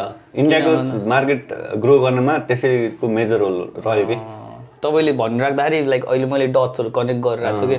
अब डाटा सस्तो हुने बित्तिकै every one will be on the phone अनि त्यसपछि हुन्छ नि अनलाइनमा आउँछन् अनलाइन हुने बित्तिकै अफोर्ड गर्न किनभने अहिले यो हुन्छ नि स्मार्टफोन्सहरू लगभग धेरैकोमा हुन्छन् कि? धेरैकोमा हुन्छ सबैकोमा छ। सबैकोमा छ कि? द अन्ली थिङ इज कि तिनीहरूले डाटा अफोर्ड गर्न सक्दैन। डेटा एफोर्ड गर्न सक्दैन। कि? अनि त्यो चिज हुने बित्तिकै इकोनोमिकली नै अफेक्ट पर्न जाँदो रहेछ कि? अनि अहिले धेरै- नै- किन भन्दाखेरि सबै चिजहरू डिजिटल हुँदैछ मान्छेहरूले कति कुराहरू टेक्नोलोजिकली कामहरू गरिराख्नु थालेको छ अनि त्यो भयो भने चाहिँ सही सही सुई सुई त्यो स्पाइरल सबै धेरै पोजिटिभ चेन्जहरू त ल्याउँछ। अनि अपरेटरहरू पनि जुन अहिले त्यो लेभलले गरिरहेछन् त्यो गर्न पाउँदैनन्। अनि त्यही त मोनोपोली भयो कि? छैन। अब मोनोपोली छ नि त त्यही त। अब यस्तो हो अब नयाँ अपरेटर आउनु नदिनु अथवा बेटर अपरेटर आउनु नदिनुमा उनीहरूको पनि हात हुन्छ एक हिसाबले। किन भन्दाखेरि ठुल्ठुलो मान्छेहरूको यस्तो कुरा त गर्नु नहुने। इन्भेस्टमेन्ट हुन्छ क्या एनसेल एनटिसीमा ठुलो कम्पनी हो नि त बिलियन सिलियनको कुरो- आउँछ अनि ठुल्ठुला नेताहरूको ठुल्ठुला बिजनेसम्यानहरूको इन्भेस्टमेन्ट हुन्छ। अनि उनीहरूको इन्भेस्टमेन्ट भएको कम्पनीलाई कम्पिट गर्न आउने कुनै कम्पनीलाई उनीहरूलाई आउनै दिन्न नि त। त्यो पनि हुन सक्यो। सिजी सिजीलाई अहिलेसम्म रोकेको कारण त्यो पनि हुन सक्यो। होइन अब उनीहरूको आफ्नो स्ट्यान्डर्ड मिट नगरेको हो कि के हो भन्ने कुरा त अब उनीहरूलाई थाहा छ। तर बाहिरबाट हामीले हेर्दा चाहिँ दुई तिनवटा कारणहरू हुनसक्यो। अब कि त यताबाट हुनसक्यो कि त उनीहरूले नै स्ट्यान्डर्ड मिट नगरेको हुनसक्छ त्यो लाइसेन्स पाउनको लागि। तर त्यो दुइटै प्रोबेबिलिटी चाहिँ हुनसक्छ जुन पोलिटिक्स चाहिँ जुन कुराले तपाईँले भन्नुभयो नि that is like majorly possible त्यो त एकदम नेपालमा त त्यही कम्पिटिसन त आउनै दिन्न नि त्यही नेपालमा। त अनि त्यो चाहिँ मेजरली त्यो एनसिएलकै उसहरूले भन्दा पनि त्यसमा इन्भेस्टर्सहरू जो जो छ त्यसले गर्दाखेरि त्यो तिनीहरूको उस चाहिँ रिटर्न अफ इन्भेस्टमेन्ट कम हुन्छ भनेर पनि त्यो सबै पोलिटिक्स चाहिँ हुनसक्छ कि किन भन्दा सानो लेभलमा त हुन्छ त्यत्रो ठुलो कुरा त छन् होइन? सिधै असर पर्छ नि त। अहिलेसम्म अहिलेसम्म त्यो अपरेटरहरूले जसरी पैसा तिनीहरूलाई रेभेन्यू आइरहेको छ। कुनै कम्पनीले सस्तोमा दियो भने त उनीहरूले त्यही लेभलको प्राइसमा अफर गरेर त कसैले लिनेवाला छैन। प्राइस त घटाउनु पर्यो। घटाएपछि त उनीहरूको एनुअल रेभेन्यू नै कम हुने भयो नि। एनुअल रेभेन्यू कम्पनीको कम भएपछि सेयर होल्डरको कम हुने भयो। त्यो त्यो सबै डटहरू डिफ्रेन्ट डिफ्रेन्ट कुराहरूमा। लिङ्क भइरहेको हुन्छ। त्यसले गर्दा असर पार्छ। अनि तपाईँले के दाइ के अरे जस्तै कन्टेन्ट गराउँदाखेरि कि more like kind of like मैले हेरेको टेक रिलेटेड कुराहरू त गर्नुहुन्छ होइन अनि यो फाइनेन्सियल सेक्टरको कुराहरू पनि तपाईँले गर्नुहुन्छ नि होइन। त्यसमा चाहिँ कतिको कसरी कस्तो कस्तोहरू हुन्छ नि? कतिको क्रिटिकल इन्फर्मेसनहरू दिन मिल्छ अनि मान्छेहरूलाई इन्फर्मेसन दिनपर्छ नि त फाइनेन्सियलमा त्यसमा चाहिँ कस्तो रुल्स एन्ड रेगुलेसन्स हुन्छ कि सर्टेन क्राइटेरियामा बसेर कुरा गर्नुपर्छ। किन भन्दाखेरि नर्मली इन्भेस्टमेन्टको कुरा आउँछ पैसा इन्भेस्ट गर्नु। त्यो त फाइनेन्सियल एडभाइजर नभएको यत्तिकै दिँदाखेरि चाहिँ अलिकति पाइँदैन नि त। अनि हो त्यो सिनेरियो चाहिँ कस्तो छ? यो कन्टेन्ट क्रिएसनको मामलामा। Because I see lot of people अब त्यही स्टक मार्केटकै कुरा गर्ने भने अब त्यो त एडभाइसहरूको नि यसमा उस गर्ने त्यसमा त्यो गर्ने भन्ने चिजहरू हुन्छ नि। त्यो चाहिँ कतिको भाइबल हो या के यस्तो हो। अब अफिसियल वेमा फाइनेन्सियल एडभाइस एडभाइस दिन पाइँदैन। त्यही त। अफिसियल वेमा फाइनेन्सियल एडभाइस दिनको लागि त्यो एउटा छुट्टै वे छ त्यसमा। अफिसियल फाइनेन्सियल एडभाइजर हुनु पऱ्यो केही हुनु पऱ्यो अथवा आफ्नो फर्म दर्ता हुनु पऱ्यो यो फाइनेन्सियल रिलेटेड नत्र चाहिँ हामीले त्यो चाहिँ मेन्सन गर्नुपर्छ कि भिडियोहरूमा कतै अथवा डि डिस्क्लेमर होस् या केही होस् यो चाहिँ फाइनेन्सियल एडभाइस होइन? यो चाहिँ मेरो व्यक्तिगत ओपिनियन हो। होइन? व्यक्ति व्यक्तिगत ओपिनियन त हो नि युट्युबमा सेयर गर्ने हामीले। हामी युट्युबमा आएर भिडियो बनाउँछौँ त्यो मेरो ओपिनियन हो। मेरो ओपिनियनमा तिमीलाई चित्त नबुझ्नु सक्छ। अब मैले गरेका कति भिडियोहरूमा कमेन्ट आउँछ हेड कमेन्टहरू आउँछ। मेरो कुरा उनीहरूलाई चित्त बुझ्दैन। त्यस्तो हुनसक्छ। त्यही भएर कतिपय कुराहरू हुन्छ जसमा चाहिँ आफूले पनि बोल त्यो चाहिँ टाइम अनुसार जाने। अब मैले पहिला पहिला भिडियो बनाउँदा धेरै सोच्थिनँ। मैले जे दिमागमा आयो टक टक टक गरेर भिडियो बनाइदिन्थेँ। अनि त्यो कारणले कहिलेकाहीँ प्रब्लमहरू पनि आउँदो रहेछ। कमेन्टहरूमा कमेन्ट गर्दा कहिलेकाहीँ अडियन्सहरूले यस्तो कमेन्ट गरिदिने कि? है त्यति गल्ती भएछ मेरो। मेरो गल्ती भएछ है। मैले यो यो साइडतिर मैले सोचिनँ सोचिन त्यस्तो टाइपको रियलाइज गराइन्छन् अडियन्सहरूले। त्यो लङ टर्ममा आफैलाई बेनिफिट गर्छ त्यो कुराले होइन? मलाई त्यस्तो भएको छ। पहिला मैले अलिकति धेरै नसोचिकन कन्टेन्ट बनाइदिइहाल्थेँ। आफ्नो ओपिनियन हो नि त भन्ने हिसाबले तर पछि चाहिँ के रियलाइज हुँदो रहेछ भन्दाखेरि मेरो कन्टेन्ट हेर्ने मान्छेहरू पन्ध्र वर्षको बच्चाले पनि मेरो कन्टेन्ट हेर्छ। तिस वर्षको मान्छेले नि हेर्छ पचास वर्षकोले नि हेर्छ। भनेपछि मैले कन्टेन्ट क्रिएट गर्दा आफूले मेरो अडियन्सहरू कुन एज ग्रुपको छ कस्तो कस्तो अडियन्सहरूले मेरो कन्टेन्ट हेर्छ त्यो चाहिँ एकदम दिमागमा राख्नु पऱ्यो एकदमै। मैले अहिलेसम्म कतिपय कुराहरूमा भिडियो बनाएको छु। मैले तर मैले भिडियो बनाउँदा त्यो मेरो भिडियो पन्ध्र वर्षकाले नि हेर्छन् है। भन्ने कुरा मैले नसोचिकन भिडियो बनाएको कारण कारणले मलाई पछि रिग्रेट भएको छ कि अनि मैले त्यो भिडियोहरू प्राइभेट पनि गरेको छु कि ए। म दुइटा भिडियो प्रा- प्राइभेट गरेको छु मैले अहिलेसम्म। त्यो बेलामा चाहिँ मेरो अडियन्सहरू पन्ध्र सोह्र वर्षका छन्। उनीहरूले खासै राम्रोसँग यो कुराहरू नबुझ्ने खालका पनि छन्। मेरै बोलीको भरमा उनीहरूले गलत एक्सन लिन सक्छन्। नबुझिकन भन्ने हिसाबले। त्यो कुरा हुनसक्छ त्यही भएर त्यो कुराहरू अब सिक्दै जाने हो सुरुमा त म पनि जिरोबाटै सुरु गरेर केही नलेज थिएन। यो कुराहरू सिकाउने। मान्छे पनि छैन नि अब कन्टेन्ट क्रिएसन क्रिएसन गर्दा कस्तो कस्तो टाइपको कुराहरूमा ख्याल गर्नुपर्छ के के कुराहरू गर्नुपर्छ भनेर भनिदिने मान्छे कोही पनि छैन। अब नेपालमा कन्टेन्ट क्रिएसनको कुरा गर्ने भने वान एक्स बेट भन्ने सुन्यो होला। नेपालको लगभग एट्टी पर्सेन्ट ब्लगरहरूलाई वान एक्स बेटले खाइदिएको छ। बेटिङ साइट हो त्यो फेरि। यो सट्टाबाजी साइट हो। एट्टी पर्सेन्टलाई वान एक्स बेटले पालेछ भन्छु म त। है? उनीहरूलाई वान एक्स बेटले स्पोन्सर गर्न छोड्यो भने गाह्रो हुन्छ उनीहरूलाई। उनीहरूको जुन लाइफस्टाइल छ अहिले अब बाइक किनेछन् अथवा कोहीले कारै किने होलान् त्यो लाइफस्टाइल उनीहरूको वान एक्सपेटले दिएको। अनि one X bet betting betting site नेपालमा कम्प्लिटली इलिगल छ। नेपालमा मात्र होइन धेरै देशमा इलिगल छ। प्लस त्यो सट्टाबाजी गर्ने कुरै होइन। सबैले थाहा भएको कुरा। अब त्यस्तो कुराहरू पनि प्रमोट गरिरहेछन्। अनि प्रमोट गर्ने मान्छे पनि कोही कोही त एकदम बुझ्ने पनि छन्। कोही कोही चाहिँ अठार बिस वर्षका भाइ बहिनीहरू उनीहरूलाई अब युट्युब सुरु गरिरहेको हुन्छन् अलिअलि सब्सक्राइबर आइरहेको हुन्छ अनि स्पोन्सर आउँछ। यो दिन्छु दुई त एक्साइटमेन्ट हुन्छ। गरिदिन्छन्। उनीहरूले मेरो अडियन्स कस्तो छ होइन? अब ब्लगरहरूको तिम्रो एज ग्रुपको कुरा गर्छ भने उनीहरूको कन्टेन्ट कन्ज्युम गर्ने एज ग्रुप भनेको चाहिँ बच्चादेखि हेर्छ कि बच्चादेखि बुढासम्म। बुढाहरूलाई त उनीहरूको कुराले असर पार्दैन उनीहरूले बुझेका हुन्छन् बेटिङ भने यस्तो भनेर बच्चाहरूलाई त थाहा हुन्न। बच्चाहरू त इन्भल्भ हुन्छ नि त त्यो कुराहरूमा। अनि उनीहरूको पैसा लस हुनसक्छ कसले जिम्मेवार लिने? अनि यो हुन्छ नि जस्तै अब अनलाइन सम्बन्धित रुल्स एन्ड रेगुलेसन जस्तो इलिगल छ अनि जस्तै हुन्छ नि अब वान एक्सपेक्टको त्यो स्पोन्सर्डहरू देखिन्छ नि। अनि त्यो चाहिँ अफिसियल्सहरू अफिसियल्सहरू हुन्छ नि जुन त्यसको उस गर्ने। कतैबाट देख्यो भने चाहिँ त्यो ब्लगर्सहरूलाई क्या एक्सन लिन मिल्छ कि नै? मिल्छ नि। मिल्छ। केही समय अगाडि दुई वर्ष अगाडि हो कि हाम्रो नाम नतकौँ तर जस्ट हाम्रो यो क्रिउ थियो एउटा डान्स क्रिउ थियो उनीहरूको मेम्बरहरूलाई त सर्टेन उसहरू भएको थियो ए। पेनाल्टीहरू भएको थियो सायद। न्युज पेपरहरूमा पनि आइ- आइरहेको थियो। तर त्यसपछि अहिलेसम्म चाहिँ त्यस्तो छैन कि। दुई वर्ष सायद दुई वर्षको ग्याप भयो तर दुई वर्षमा त धेरैले गरे नि त। ठुल्ठुला नेपालको ठुल ठुलै के लाइक फाइभ हन्ड्रेड के सिक्स हन्ड्रेड के हुने ठुल्ठुलो युट्युबरहरूले अहिले पनि के? अहिले मैले हेरिरहेको छु अहिले पनि वान एक्सपेट भनेर भिडियोको स्टार्टिङमै गरिरहेछन् अझ मेरो कुपन कोड एक्सवाइजी युज गर्नुहोस् ट्वेन्टी पर्सेन्ट बोनस पाउनुहोस्। होइन? जुन कि नेपालमा कम्प्लिट। इलिगल छ त्यो कुरा नि प्रमोट गरिरहेछन् खुलेआम के फेरि? भित्रभित्र गाउँघरमा प्रमोट गर्दै हिँडेर त केही प्रब्लम भएन नि त। तर खुलेआम पब्लिकमा आएर लाखौँ मान्छेले हेरेछन् कति हिम्मत हो भन्छु। मलाई डर लाग्छ। अनि? त्यो त। होइन एउटा त त्यो गलत काम हो होइन। गलत काम गर्दा डराउनु पर्छ। त्यो कुरा अब एक्सपिरियन्सले पनि सिकाउँछ। कहिलेकाहीँ कुन दिन अनि जेल गएपछि त्यो एक्सपिरियन्सले सिकाउने कुरा अब अबसम्म नेपाल के भयो के हाम्रो मेन्टालिटी रहेछ भन्दाखेरि नेपालको त्यो नोटिस निकाल्दै गर्छ सरकारले। यो इलिगल छ यो इलिगल छ गर्नु न नोटिस निकाल्दै गर्छ। हामीले प्रमोट गर्दै जानुपर्छ। एक्सन त नेपाल पुलिसले कहाँ लिन्छ। लिन्छ। अन्डर एस्टिमेट गरिदिने कि नेपाल हो। अनि अहिले फेरि यो नेपालको अनलाइनसँग रिलेटेड रेग रुल्स एन्ड रेगुलेसन्सहरू ब्याक टु ब्याक फर्म भइरहेछ नि जे त ब्याक टु ब्याक आइ नै रहन्थ्यो आइरह तर एक्सन अलि action मैले। के भन्छु यो लुकेर गर्नेलाई बरु छोप्न गाह्रो हुन्छ. होइन क्रिप्टो करेन्सीमा लगानी गर्ने मान्छे त छन् नि नेपालमा। लुकेर गरिरहेछन्। कसरी ट्र्याक गर्ने उनीहरूलाई ट्र्याक गर्ने मेथड नै छैन। कसैले सोर्स लगाइदिए मात्र हो थाहा हुने। तर पापा युट्युबमा आएर खुलेआम वान एक्सपेक्टको प्रमोट गरिरहेछन् कोड कुपन कोड हाले ह बिस पर्सेन्ट अफ पाऊ इन्भेस्ट गर पैसा कमाऊ भनेर त्यस्तो कुरा गरिरहेको। खुलेआम अँ। वान मिलियन भ्यू जान्छ क्या त्यो भिडियोहरूमा अनि? दस लाखजनाले हेर्छन्। त्यस्तरी खुलेआम गर्दा पनि तिनीहरूलाई ल्याएर अनि? पनिस गरौ। त्यसपछि त सानातिना भाइ बहिनी त्यसै तर्सिन्छन् नि। उनीहरू त्यसपछि गर्नै छोड्छन्। बिचमा जुन मैले दुई वर्ष अगाडिको कुरा गरेँ यो क्रिउको त्यसपछि चाहिँ धेरैले त्यो स्पोन्सर गरेको भिडियोहरू प्राइभेट गरे।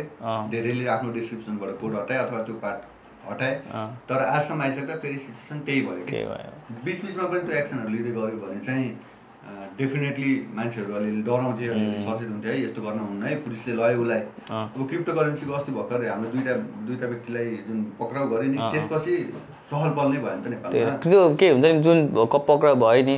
त्यो पनि एक्चुली क्रिप्टो उसमा ट्र्याक भएर पक्रेको चाहिँ होइन कि होइन। मान्छेलाई चाहिँ त्यो सेन्स नहुँदो रहेछ कि। त्यो अलिकति। कुरा गरौँ न त्यसमा अनि। ट्र्याक एउटा त त्यो ब्लक चेन रिलेटेड कुराहरूमा रेकर्ड नै हुँदैन। नेपालको हाम्रो मोबाइल ब्याङ्किङबाट कारोबार गरेको सबै ब्याङ्कलाई रेकर्ड हुन्छ अथवा एनआरबीलाई रेकर्ड हुन्छ। त्यो त रेकर्ड नै हुन्न ब्लक चेनमा कसैलाई पनि। त्यही भएर त्यो डिसेन्ट्रलाइज भनेको त्यही भएर हो। अब त्यो कुरा त त्यतातिर नजाउँ। तर त्यो चाहिँ मान्छेले जो त्यो तिनीहरू पक्रेको चाहिँ नर्मली कि पक्रेको कुरामा चाहिँ कि जुन चाहिँ नर्मलमा चाहिँ त्यो ब्लक चेनबाट क्रिप्टो ट्र्याक भयो अनि तिनीहरूले त्यत्रो उस गरेको रहेछ भनेर थाहा पायो भनेर सोचेको सोध्दो रहेछ कि नर्मली खास त तिनीहरूले ट्रान्ज्याक्सन यति धेरै भयो कि त्यो ट्रान्ज्याक्सनको पछि लागेर ब्याङ्कले कहाँबाट आयो के गयो भन्ने बेलामा मात्र एउटा त त्यो दुइटालाई पक्रेको। उनीहरूको साथीहरूले ए ए। भनिदिएर हो होइन। उनीहरूकै साथीले यसले यस्तो यस्तो गरिरहेछ जल्छ नि त। तिमी र म साथी हो। मैले मानव मैले क्रिप्टोमा लगानी गरेर एक करोड कमाएँ गरेँ विच इज पोसिबल र अनि गरिरहेछन्। त्यसपछि त मेरो त सान हुन्छ है। त्यसपछि मैले तिमीलाई उस्तो गरे भाउ दिन छोड्छु तिमीसँग बोल्नै छोड्छु। पैसाले त बिगार्छ मान्छेलाई। त्यसपछि त त्यसपछि त तिमीले पनि त्यसमा एक्सन लिन सक्छौ है। मान्छेले यस्तो गर्यो। भनेर पुलिस सकिन्छ। साथीले नै हो नि त साथी नै दुश्मन हुन्छ। पैसाले त धेरै कुरा बिगार्छ। त्यस्तो कारणहरूले गर्दा त्यो छोपिएका हुन्। तिनीहरूलाई त्यो सरकारले ट्र्याक गरेर होइन अब ट्र्याक गर्ने केस त अब उनीहरूको ब्याङ्कमा ट्रान्जेक्सनहरू अब लाखौँको ट्रान्जेक्सन भयो करोडको ट्रान्जेक्सन भयो त्यो ट्रान्जेक्सन कहाँबाट आयो भनेर सोध्दा एन्सर दिन नसकेपछि क्रिप्टोबाट आयो। क्रिप्टोबाट आयो। त्यही हुँदो रहेछ कि? छैन। किन भन्दा अनि फेरि कस्तो कि त्यस्तो युज अमाउन्ट त अहिले अझ अहिले त अहिलेको सिनेरियोमा त ब्याङ्कहरूमा त त्यो तिन लाख चार लाखको ट्रान्जेक्सन हुँदाखेरि पनि मान्छे अटेन्सन गइहाल्छ क्या ब्याङ्कमा। किन एउटा निकाल्यो नि त नोटिस कति सात लाखभन्दा बढी ट्रान्जेक्सन भएको व्यक्तिहरूको रिपोर्ट हामीलाई चाहियो भनेर एनआरबीले हरेक ब्याङ्कहरूलाई आस्क गरेको थियो कि मागेको थियो त्यो रिपोर्ट रिपोर्ट माग्यो तर त्यसपछि रिपोर्ट दियो कि नै कतिजनाको आयो के आयो। त्यसपछि के आउटपुट भयो के छैन। रिपोर्ट माग्ने इन्फर्मेसन निकाल्ने काम भइरहेको छ। त्यसपछिको फर्दर त्यसमा र- फलोअप चाहिँ हुँदैन त्यो त्यही त। गाह्रो भइरहेछ। सही हो। यो यो चिज पनि छ होइन? अहिले क्रिप्टो करेन्सीमा नजाम होइन? हामी ठिक छ। हजुर यो पनि अहिलेको जस फ्युचरिस्टिक कुरा हो होइन? अनि सुनर लेटर केही होला त्यसमा होइन? ए अँ त्यो कुरा गरौँ न मलाई कस्तो उस गऱ्यो के अरे ठ्याक्क क्लिक भयो नेपाल नेपालले पनि डिजिटल करेन्सी आफ्नो निकाल्ने भन्ने एउटा न्युज देखेको थिएँ मैले मैले पनि न्युज त देखेको थिएँ तर त्यसभित्र चाहिँ अब एउटा त धेरै इन्फर्मेसन दिएको छैन त्यसमा। आफ्नै करेन्सी निकाल्ने भन्ने खालको कुरा अब कस्तो खालको करेन्सी हो त्यो ब्लक चेनमा हुन्छ कि हुन्छ कि हुन्न करेन्सी डिजिटल करेन्सी निकाल्ने त्यो सेन्ट्रलाइज हुन्छ एनआरबीको कन्ट्रोलमा हुन्छ कसरी त्यो- भयो त मजा आएन त्यो डिजिटल करेन्सी त्यो क्रिप्टो करेन्सी नै भएन एनआरबीको अन्डरमा हुने NRB मेन भनेको डिसेन्ट्रलाइजेसन हो कि इन्फर्मेसन दिँदैन कि? गर्दैछौँ भनेपछि मान्छेहरू ल है शान्त हुँदैछ है। हुँदैछ है शान्त हुन्छन् अब त्यसमा भएकै छैन जस्तो लाग्छ मलाई। के भएन? यो के यो अब यता क्रिप्टो करेन्सी स्टकमा नजाँदाखेरि पनि त्यसको सिना जो डिसेन्ट्रलाइजेसनको जुन वर्क हुन्छ नि स्ट्रक्चर हुन्छ नि त्यसमा त कुरा गर्नु मिल्यो नि त। किन भन्दाखेरि त्यो भनेको त एकदमै कस्तो भन्दाखेरि एउटा स्ट्रक्चर हो कि? होइन डि डिसेन्ट्रलाइजेसन भनेको त पहिला अरू अरू सेक्टरमा पनि युज हुन्थ्यो। यो इकोनोमिकल्ली युज भइराख्दाखेरि चाहिँ अनि सबैलाई बेनिफिट भएको भएर अनि त्यसमा एउटा हुन्छ नि पोटेन्सियल देखेको भएर फ्यु अलिकति हाइपमा आएको अनि फ्युचरिस्टिक कुरा भएको हो नि त। सो यो decentralisation as in in itself के ला कस्तो हो त्यो कुरा गरौँ तपाईँलाई बेसिकली भन्दा। डिसेन्ट्रलाइज भन्छ ब्लकचेन टेक्नोलोजी डिसेन्ट्रलाइज सिस्टम हो भनिन्छ। अब डिसेन्ट्रलाइज भन्ने बित्तिकै सजिलो भाषामा बुझ्ने भने मिडल म्यानलाई हटाउनु पऱ्यो प्रब्लम अन्त मिडल म्यानले हो मिडल म्यानले बढी कमिसन खान्छ उसले कुराहरू बिगार्छ। त्यही भएर मिडल म्यानलाई हटाउन सक्यो भने ट्रान्जेक्सनहरू एकदम ट्रान्सप्यारेन्ट ट्रान्जेक्सन हुन्थ्यो यताबाट ट्याक्कै गयो। अहिले हामीले हरेक ट्रान्जेक्सन गर्छौँ मिडल म्यान छ ब्याङ्क छ। यताबाट मैले तिमीलाई पैसा पठाएँ मेरो ब्याङ्कलाई पहिला रिक्वेस्ट जान्छ मेरो ब्याङ्कले एप्रुभ गर्छ यता जान्छ तिम्रो ब्याङ्कमा जान्छ तिम्रो ब्याङ्कले क्रेडिट गर्छ सब रेकर्ड ब्याङ्कलाई हुन्छ। त्यो भएर त्यो सेन्ट्रल सिस्टमहरू हटायो भने ट्रान्जेक्सनहरू इफिसियन्ट हुन्छ। फास्ट हुन्छ अनि seamless हुन्छ। ट्रान्सप्यारेन्ट हुन्छ। मेन कुराहरू यसको युज केसकै कुरा गर्ने हो भने कति अब रियल इस्टेटकै युज केस कुरा गर्ने हो भने अब पेपरको भरमा हामी डिल गर्छौँ कि? होइन लाल पूर्जाको भरमा त हो नि त। त्यसपछि त्यो बहुत झन्झटको कुरा। छ त्यस त्यस त्यो त्यो त्यो सबै झन्झटको कुराहरूको सट्टा ब्लक चेन टेक्नोलोजीमा हामीले यो गर्थ्यौँ भने त सबै ट्रान्सप्यारेन्ट हुन्थ्यो उहाँको जग्गा यति जग्गा यो मान्छेको नाममा छ यो मान्छेले यसलाई बेच्यो यसले यसलाई बेच्यो भनेर त्यो चेन। सब ट्रान्सप्यारेन्ट हुन्थ्यो कसैले पनि त्यहाँ एक्स्ट्रा कमिसन कसैले खान पाउँथेन कसैले त्यहाँ केही छेडखानी गर्न सक्थेन। अहिले त नेपालको कतिपय जग्गाहरू त नक्कली लाल पूर्जा बनाएर आफ्नो नाम गराउनेदेखि लिएर छ नि त। अनि एकदमै। एउटै एउटै जग्गा दुईजना दुईजनाको हुन्छ उसले ऋण चलाइदिएर हुन्छ यता थाहै हुन्न अब किन त्यो ब्याङ्कमा ब्याङ्कमा कतिपय ब्याङ्कमा त नक्कल लाल पूर्जा देखाएर अथवा के देखाएर यो लोन लिने पनि सिस्टम रहेछ। छ त्यही त कुराहरू देखाएर त्यो सबै प्रब्लम हुन्छ, त्यो एक- सेक्टरमा ब्लक चेनले चाहिँ एउटा राम्रो फ्युचर भनेकै त्यही नै हो। त्यही नै हो। बिस्तारै बिस्तारै हुने त हो। त्यो युज केस त हामीले देख्न पाएको छैन। अब ब्लक चेनभित्र त्यो क्रिप्टो करेन्सीको कुराहरू छ एनएफटीका कुराहरू छ अहिलेसम्म त्यो खेकुँदै नै हो। त्यही। तर मेन भनेको चाहिँ टपमा चाहिँ ब्लक चेन हो त्यसपछि बल्ल अरू अरू आउँछ कि टेक्नोलोजी चाहिँ। त्यसभित्र त्यो टेक्नोलोजीमा आधारित भएर चल्ने काम धेरै जे पनि हुनु पायो जो चाहिँ जे पनि हुनुपर्छ कि त्यही त मैले यो सुरुमा बुझ्दाखेरि कि अब टेक्नोलोजिकली कुरा गर्दै कोडिङको हिसाबले पो त्यहाँ ब्लक ब्लक ब्लक छ अनि त्यसको चेन एउटा हुन्छ नि सबमा हुन्छ कनेक्टेड हुन्छ अनि एउटा यत्तिकै चलाउनु मिल्दैन यो हेभ टु हुन्छ नि कन्फर्म गर्नु पऱ्यो सबैमा हुनु पऱ्यो भन्ने कुराहरू छ। तर जनरली हामीले कुरा गरेर बेसिकली नर्मल भाषामा भनेको त ट्रान्सप्यारेन्सी हुन्छ कि। अनि जस्तै अघि जग्गाकै कुरा गर्दा नर्मली मान्छेलाई बुझ्न सजिलो हुन्छ। कि मैले सुरुमा बुझ्दाखेरि यसरी मैले चाहिँ मम्मीलाई बुझाउँदाखेरि कि किन भन्दा यस्तो कुराहरू पनि थाहा हुनु पऱ्यो मम्मीलाई बुझाउँदा जग्गाकै इक्जाम्पल दिन्थेँ कि। अब तपाईँले हाम्रो जग्गा यो छ होइन? अनि हामीले पहिला जोसोबाट किनेको थियौँ नि। त्यो किनेको मान्छेले चाहिँ कतिमा किनेको थियो त हामीलाई थाहा छैन। त्यसलाई जतिमा किनेको थियो त्यसमा कति फाइदा खाएर खायो भन्ने त हामीलाई थाहा छैन नि त। अनि घाटा खाएर बेचेको भन्ने भन्छ न त कतिले होइन? ब्लक चेन भन्नेमा चाहिँ कस्तो हुन्छ भन्दाखेरि त्यो मान्छेले कतिमा किनेको थियो अँ। कतिमा बेच्दैछ कति फाइदा खाँदैछ। त्यो सबै ट्र्याक रेकर्ड हुन्छ अनि त्यो चाहिँ हामीलाई ट्रान्सप्यारेन्ट खुला हुन्छ। खुला किताब। जस्तो हुन्छ। अनि विच इज मोर ट्रस्टेबल पनि मान्छेहरूमा त्यो इन्टेग्रिटी पनि बढ्छ कि कसैले ठग्न ठग्न मिलेन नि त। अनि त्यो भएपछि अनि यो चिजले त्यो न हुन्छ नि यसले गर्दाखेरि कति मान्छेहरू त्यो हुन्छ नि कामहरू तिनीहरूको रोकिन्छ नि त त्यही भएर। धेरै गाह्रो हुन्छ क्या। अनि फेरि पैसा नि त्यसैमा छ। यस्तो छ यो ब्लक चेनबाट पनि धेरै फाइदाहरू त छ यसको धेरै ब्याक। के भने ब्याकल्यासहरू होइन हुन्छ नि त्योहरू पनि छ। कुनै पनि केही गरी कुनै पनि एउटा ट्रान्जेक्सन फेरि गयो गयो गयो। त्यही हो त्यो चाहिँ हो। गयो त्यो। गयो। त्यसलाई अब एडिट गरेर अब हाम्रो ट्रान्जेक्सन त तिमीले यहाँबाट मिस्टेक गरेर एक लाख तिमीले तिमीलाई पठाउँछ भन्दा उसलाई पठायो भने त्यो रिभर्स आउँछ। आउँछ। टेन्सनै छैन। ब्याङ्क छ हामीसँग। उसले रिभर्स गरिदिन्छ। त्यो त्यसो ट्रान्जेक्सन ब्लक चेनमा गयो। गयो। भनेपछि त्यहाँ कालो धन्दाहरू अनि यो ठगी फ्रडहरू बहुत हुन्छ त्यसमा। हो। हुन सक्यो कि? कोही मान्छेले मैले तँलाई मानौ मैले मैले तिमीलाई एउटा सर्भिस बेच्दैछु। सर्भिस चाहिँ यो प्रडक्ट मैले तिमीलाई यो कप बेच्दैछु तिमीले मलाई वान बिटकोइन एक्जाम्पलको लागि। वान बिटकोइन सेन्ड गरिदि गरिदेऊ मैले यो कप सेन्ड गर्छु भन्छु तिमीले मलाई सेन्ड गरिदिन्छु मैले कप सेन्ड गर्दिनँ सक्यो। नेपालमा त्यही केसमा तिमीले मलाई दुई हजार ई सेवा सेन्ड गरिदेऊ मैले तिमीलाई कप सेन्ड गरिदिन्छु भनेर तिमीले मलाई सेन्ड गरिदेऊ। तर मैले कप सेन्ड गरिदिएन भने पुलिसलाई रिपोर्ट गरेर दुई हजार वापस आउँछ उसलाई हुन्छ। हुन्छ। दुई हजारमा पनि हुन्छ। त्यो त्यो त्यो कुराहरू पनि हुन्छ। त्यही भएर सर्टेन कुराहरूको फाइदा पनि छ बेफाइदा पनि छ। अनि तर यसको लागि चाहिँ फाइदाले चाहिँ धेरै उस अलि बेफाइदालाई चाहिँ उस फाइदाले धेरै ट्र्याक्सन ट्र्याक्सन पायो। फाइदाले धेरै ट्र्याक्सन पायो। बेफाइदा त अलिअलि हुनै पऱ्यो। जे जे। जे हुन्छ नि एउटा यो मेन चाहिँ बुझ्न पर्ने चाहिँ कुनै पनि ट्रान्जेक्सन या कुनै पनि चिज ब्लकचेनको थ्रुबाट गयो भने चाहिँ it's not going to be reversed deleted edited केही पनि हुनेवाला छैन कि?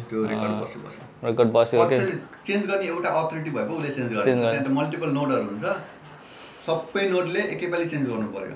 जुन कि Possible छैन। अनि जति- करोडौँ लाखौँ नोडहरू हुन्छ। अनि जति उस हुँदै गयो त्यति स्ट्रङ हुँदै जाने हो कि यो जमाना होइन? जति धेरै युज गर्यो जति धेरै युज भयो त्यति जाने अनि यो नर्मली क्या मान्छेलाई जसले चाहिँ यो इ- हुन्छ नि कोडिङ या यस्तो गरेको हुन्न या अनि त्यो चिजहरू बुझ्नलाई मान्छेलाई सुरुमा एकदमै गाह्रो हुँदो रहेछ कि इभन मलाई पनि।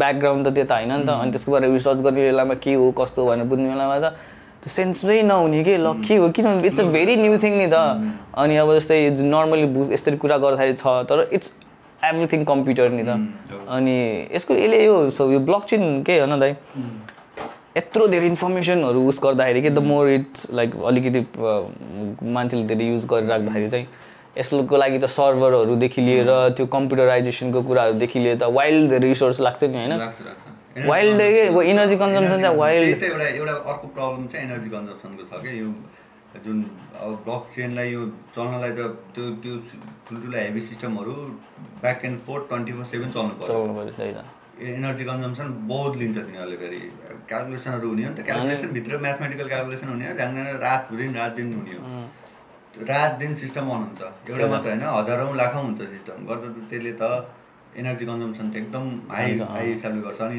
अर्को कुरा फेरि अब नेपालमा पो रिन्युएबल सोर्स छ र हाइड्रोबाट हामीले गर्छौँ।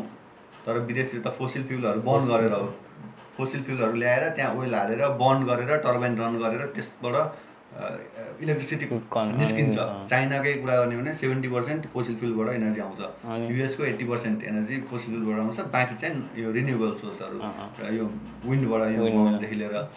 त्यसपछि त्यो कुराहरूले गर्दा चाहिँ हाम्रो सराउन्डिङहरूमा चाहिँ अफेक्ट गर्छ? इफेक्ट गर्छ कि कार्बन डाइअक्साइड बढी एमिसन हुन्छ। त्यसले गर्दा त लङ टर्ममा त धेरै। सक्यो एयर पोल्युसनको त्यस्तै समस्या छ ग्लोबल वार्मिङको कुरादेखि लिएर मैले यो त्यो कुरा सुरुमा आफूले के मैले त यो यसको बारेमा आफूले रिसर्च चाहिँ गरेको थिएन। तर नर्मली कमन सेन्सले सोच्दाखेरि के बिकज इट्स अल कम्प्युटर सर्भर्सहरू हुन्छ त्यसलाई फङ्सन हुन एनर्जी हुन्छ अनि यो सबै कुराहरू गर्दा त एनर्जी कन्जम्सनले त त्यो सबै कुरा जे भयो नि अनि त्यसमा त एउटा चेन छ नि त। अनि जुन चाहिँ वर्ल्डको भ्यूमा हेर्ने भने त फसिल फ्युलै युज। फोसिल फ्युलै नेपालमा त ब्लक चाहिँ छैन रिन्युएबल त छोडिदिउँ कि होइन त्यस्तो युजै भएर हुँदैन पनि युज गर्न सकिँदैन नि त्यही त। अनि के गर्नु? अलि अस्ति भयो हिजो भर्खर न्युज त आएको थियो त कति कति पच्चिस कि छब्बिस रुपियाँमा फेरि इन्डियाबाट लियो अनि अस्ति भर्खर कति आठ रुपियाँ पर युनिटमा बेच्यो हो। अहिले फेरि पच्चिस रुपियाँ पर युनिटमा किने अरे के भइरहेको म बुझ्दिनँ। अब कमन सेन्सको हिसाबले मैले बुझ्दिनँ.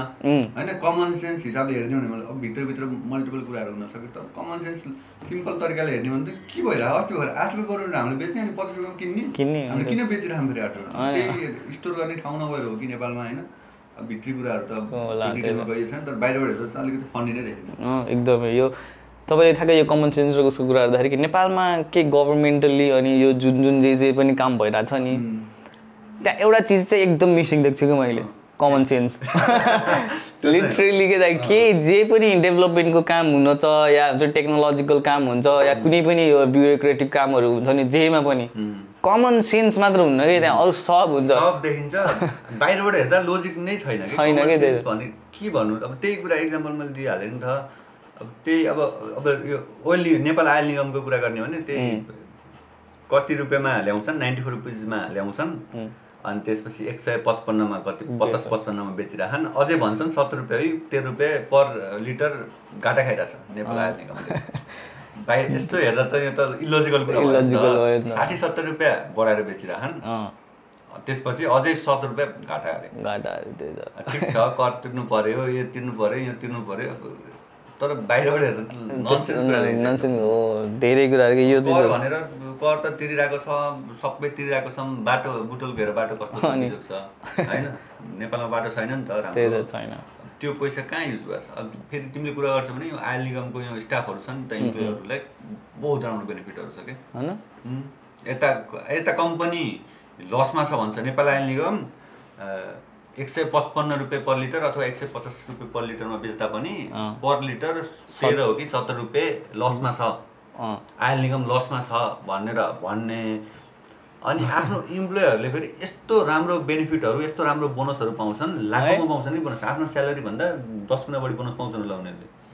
हरेक इयर यदि अब कम्पनी लसमा छ भने इम्प्लोयरहरूले बोनस पाउँछन्? त्यही त। कम्पनी प्रोफिटमा भएर चारैतिर प्रोफिटै प्रोफिट भएन। भएन, बोनस पाउँछ। बोनस। कम्पनीले त बोनस मानिरहेको छ सबै इम्प्लोयरहरूलाई सेयर धनीलाई होइन? तर लसमा भएको कम्पनी मानिरहेको छ? त्यो पनि एउटा कुरा भएन। एकदमै। त्यही कुराहरू छ। सबै ठाउँमा त्यस्तो छ। यो नेपालको यो इलेक्ट्रिसिटीको यो इम्पोर्ट एक्सपोर्टमा पनि छ। त्यसमाथि आयल निगमको कुरा भइहाल्यो। यस्तो सानो सानो कुराहरू त कति छ अब हामीले भित्रको इनडेप्थ भित्रको हामीलाई थाहा छैन। बाहिरबाट हेर्ने म जस्तो मान्छेलाई अब आयल निगममा भित्र ठ्याक्कै के भइरहेछ। कसैलाई पनि थाहा छैन होला। अब त्यस्तो दिग्गज मान्छे भए कसलाई थाहा छैन। अब हामीले हेर्ने भने service level surface level service लेभलमा हेर्दा अचम्मकै कुरा त्यही त के? तर सर्फेसमा पनि क्लियर हुनुपर्छ जस्तो के हाम्रो सोचाइमा कि होइन? नर्मली सुन्दाखेरि पनि के यस्तो हो। ठिक छ आयल निगम सत्तर रुपियाँ पर उसमा लसमा छ भने त्यो स्टाफहरूले त्यो त्यत्रो बोनस कसरी पाइरह नि त्यही त।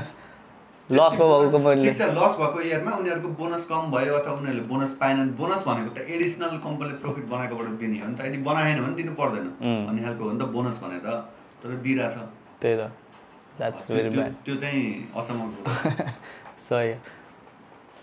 अनि अहिले अहिले यस्तो यस्तो कुराहरूमा के दाइ तपाईँले जस्तो अब स्टकमा तपाईँले राम्रैसँग एक्टिभली इन्भेस्ट गर्नुहुन्छ एक्टिभली चाहिँ नबनाऊ अँ। अब एक्टिभली चाहिँ म। ट्रेडर होइन म त्यस्तो यस्तो हो कि एक्टिभली भन्नलाई अब त्यो दिनको अब मार्केट ओपन भएको अहिले मार्केट आवर आज बन्द छ नत्र मार्केट आवरमा त्यही हेरिराख्नु पऱ्यो कि। अब के भइरहेछ मुभमेन्टहरू के भइरहेछ हेरिराख्नु पऱ्यो। म त्यस्तो छैन मेरो अरू कुराहरूमा म बढी फोकस छु। सेयर मार्केट भनेको त मैले घटेको बेलामा इन्भेस्ट गरिदिन्छु।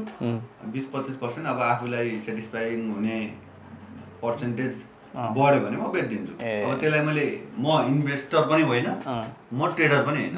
एक्टिभ पनि होइन। त्यस्तो एक्टिभ पनि छैन।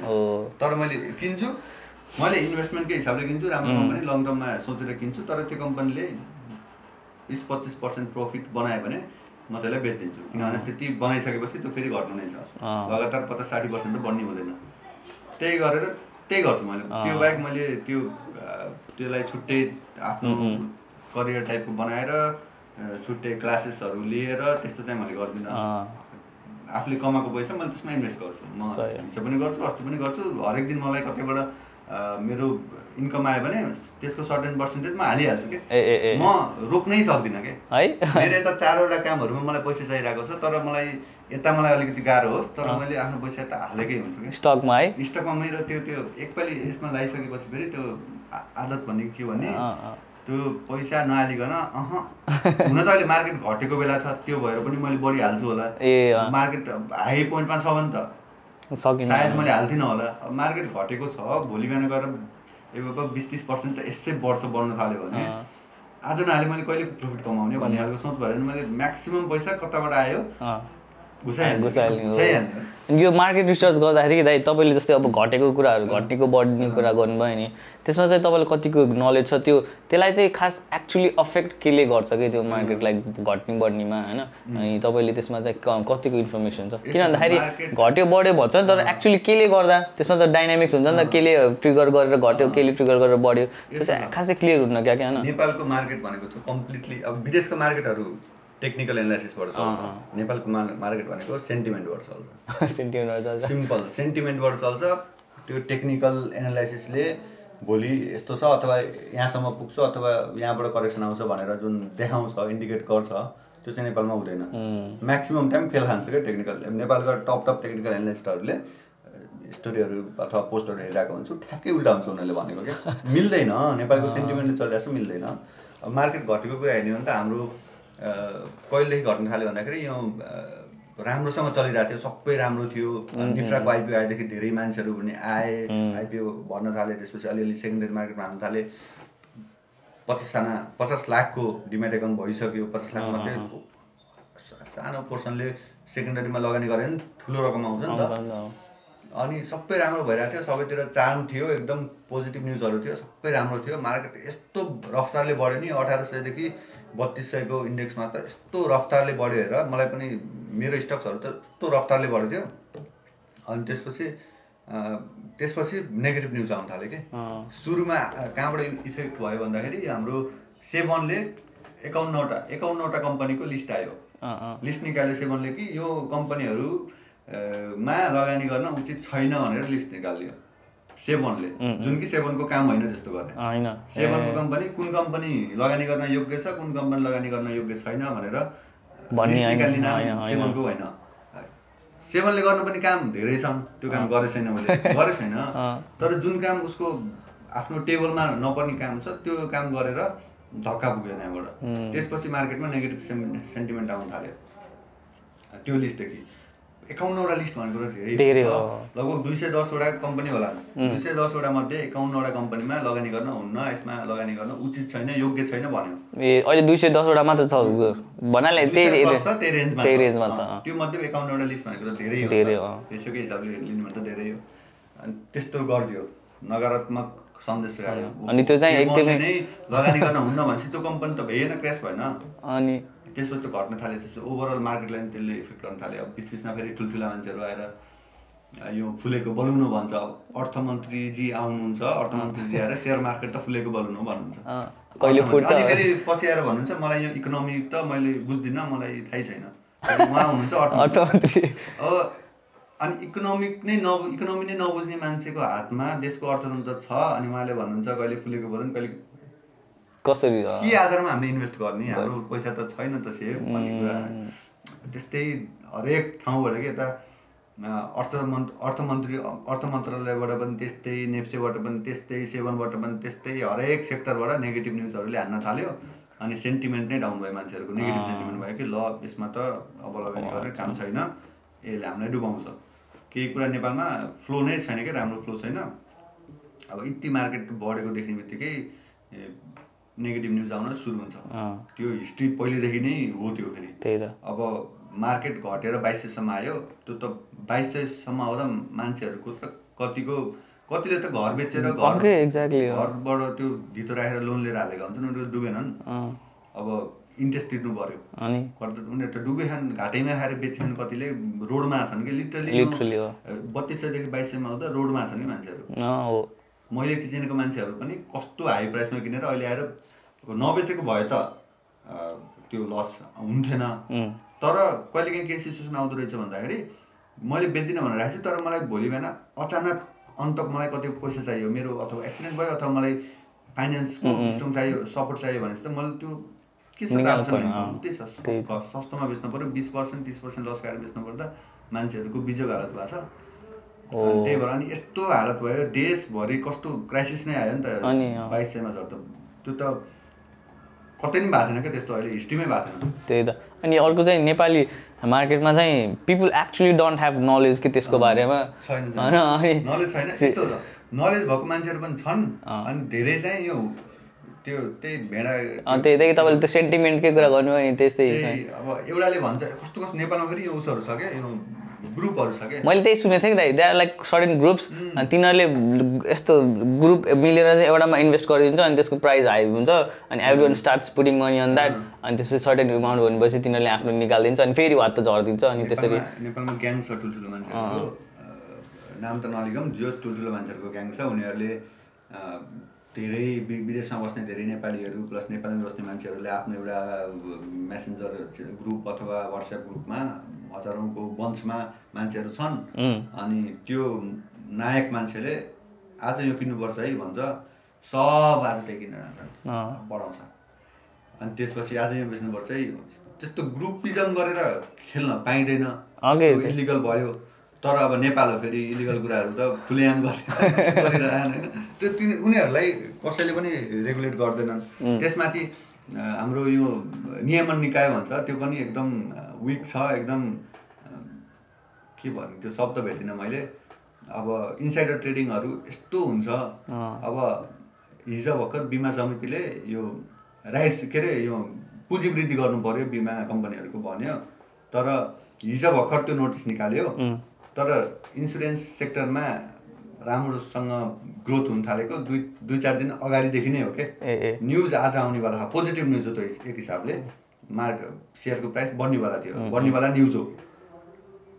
सबै सेक्टर घटिरहेको बेलामा इन्सुरेन्स सेक्टर बढ्न थालेको एक हप्ता भयो। न्युज छ हिजो। भनेपछि त यो त भित्रभित्र त त्यो न्युज यो सर्टेन पिपुलहरूलाई त एक हप्ता अगाडिदेखि थाहा छ। अब यस्तो इन्साइड यो त एउटा एक्जाम्पल हो। हिजोको एक्जाम्पल हो यो।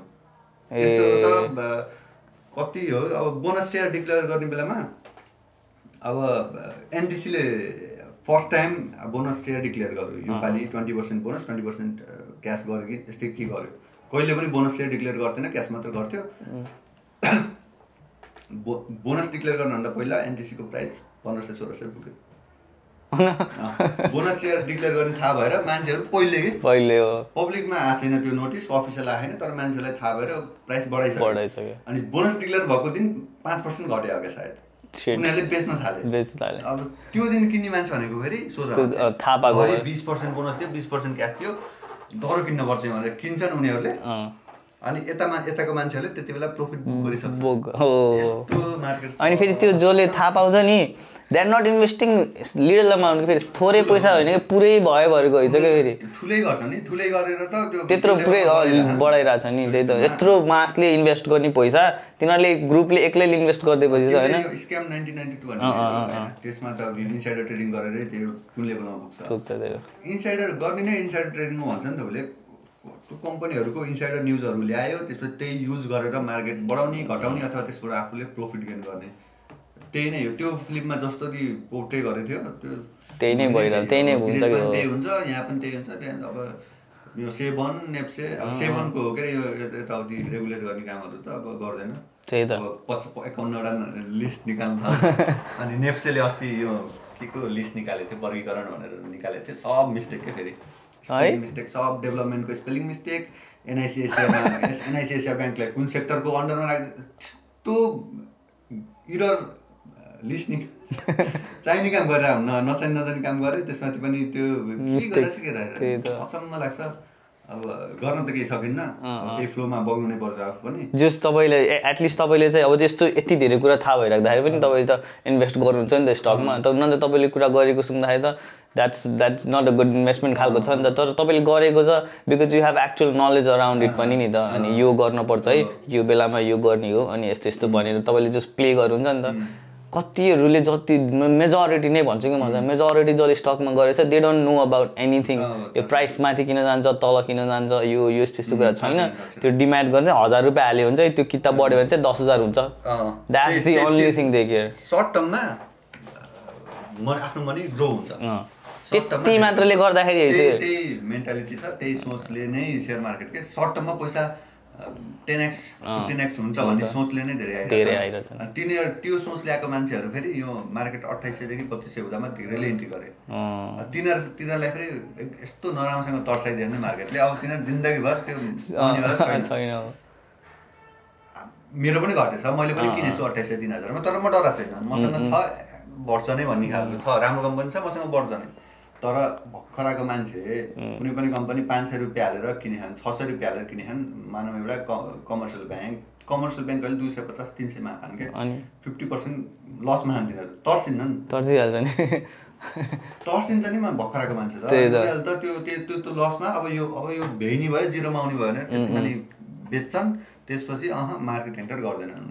अहिले त नेगेटिभ जुन मान्छेलाई प्रमोट गरेर जुन नयाँ मान्छेहरूलाई एट्र्याक्ट गराउने ठाउँमा उनीहरूलाई नेगेटिभ मेसेज गइरहेको छ कि त्यसले गर्दा त ओभरअल त्यही उसमै इम्प्याक्ट पर्छ नि त। इकोनोमी त्यसैको इकोनोमीमा इम्प्याक्ट गर्छ। अनि अहिले चाहिँ यङ्स्टर्सहरू टिनेजर्सहरू तिनीहरू पनि लाइक हुन्छ नि त्यो एज ग्रुप पनि छ क्या त्यो होइन? त्यो। Which is I kind I kind think like certain amount गरेर हल्का गेन लस गरेको एक्सपिरियन्स लिएको इज गुड एक्चुली होइन?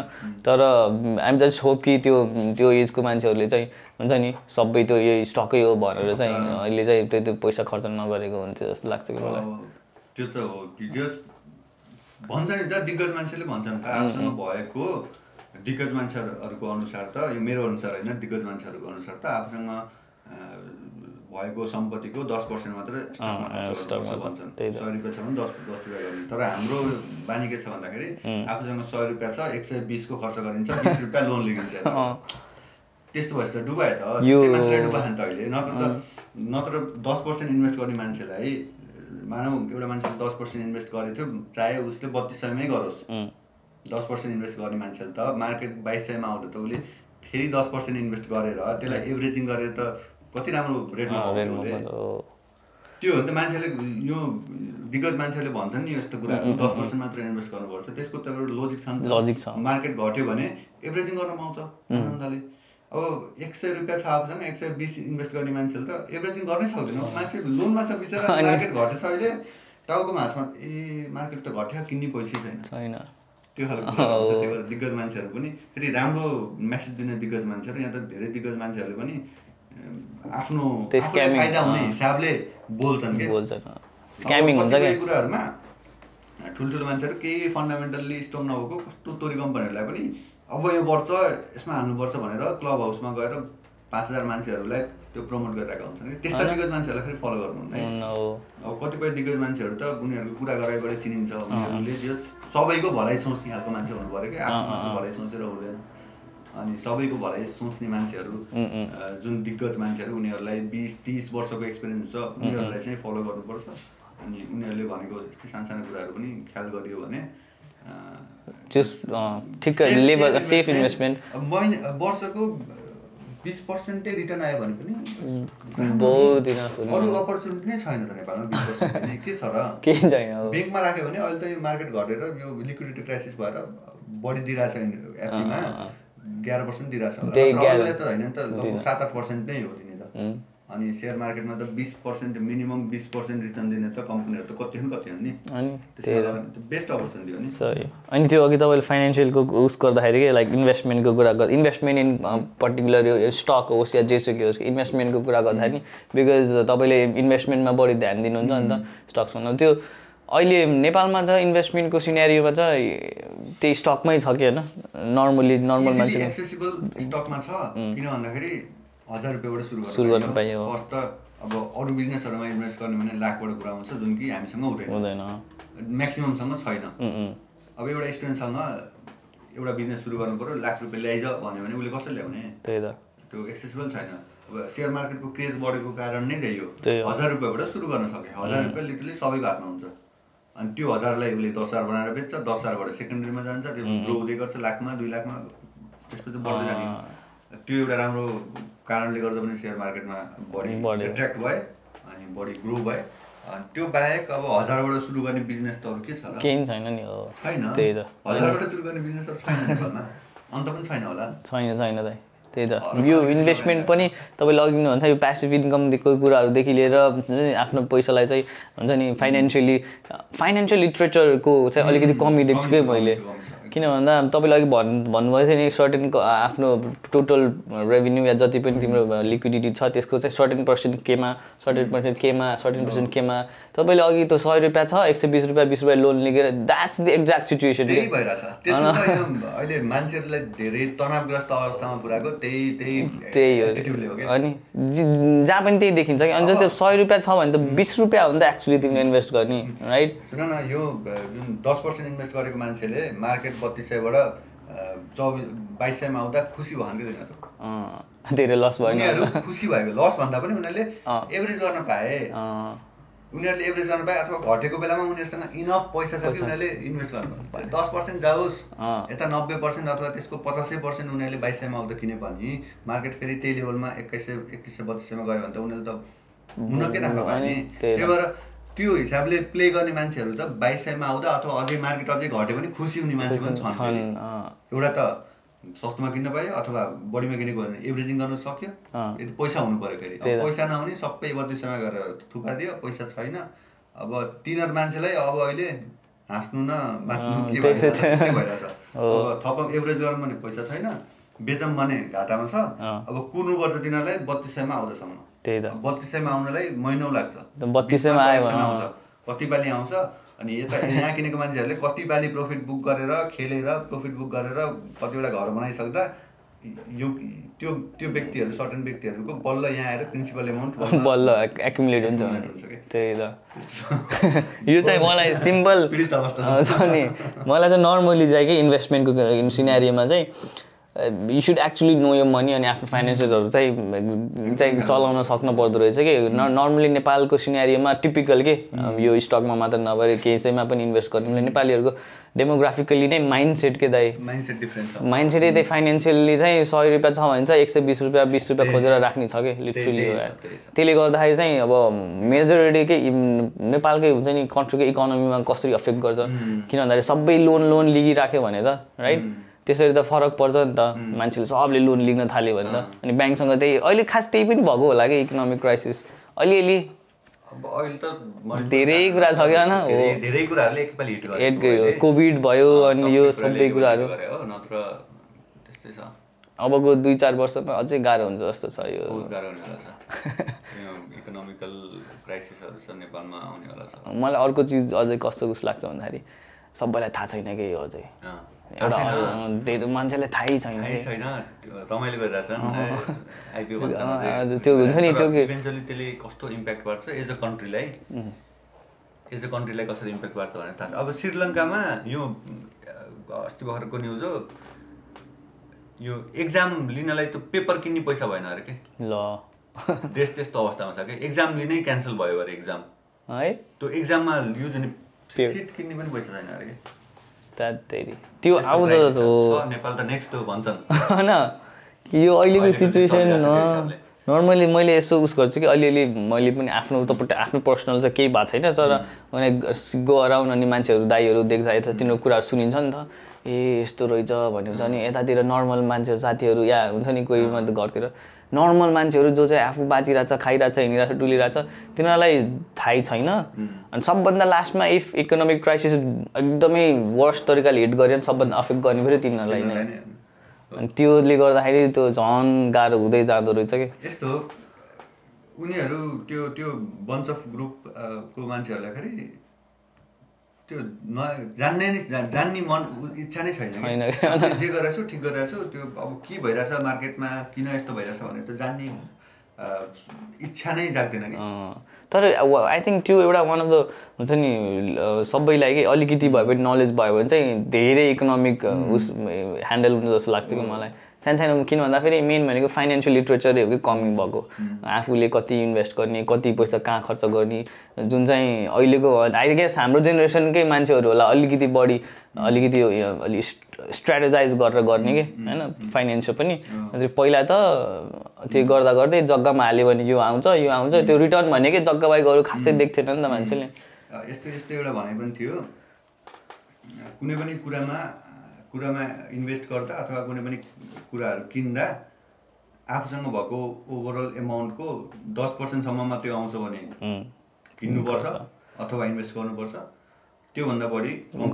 गर्नुहुन्न। अनि त्यो पनि- नेपालमा नेपालमा मानव एकजना मान्छेले चालिस लाख कमाए गरे भोलि बिहान गएर चालिस लाखको कार किनिदिन्छ नेपालमा। ओके। कार किनिदिन्छ लग्जरी लाग्छ उसलाई आफूसँग ब्याकअप जिरो जिरो जिरै बनाएर किनिरहेको छ लोनमा किनिरहेको छ नि त। किन भन्दाखेरि लग्जरी चाहियो मान्छेहरूलाई। त्यही। तर एउटा त्यो त्यो त्यो यस्ता यस्तै दिग्गज मान्छेहरूले जुन भन्छन् नि आफूसँग भएको दस पर्सेन्टको मात्रै किन्नुपर्छ। यदि एक करोड छ कारलाई दस लाख पर्छ भने गो फर इट उम्, किन?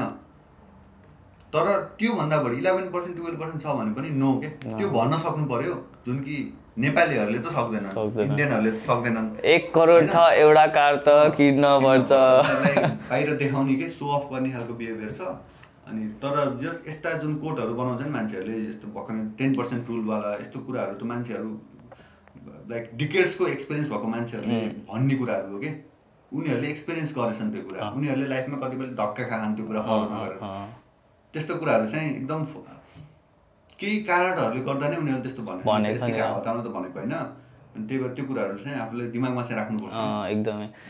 यो एनिथिङ यु डु अहिलेको जेनेरेसनमा हामीले मैले पनि ख्याल गर्ने कि मेन भनेको चाहिँ सुन जति सक्छ छिटो मैले आफ्नो फाइनेन्स र अलिकति इकोनोमी बुझेर अनि पैसासँग खेलेँ भने चाहिँ that's going to help me for the rest of my life होइन किन भन्दा यो एजमा चाहिँ पैसा खेलाउन पाइन्न।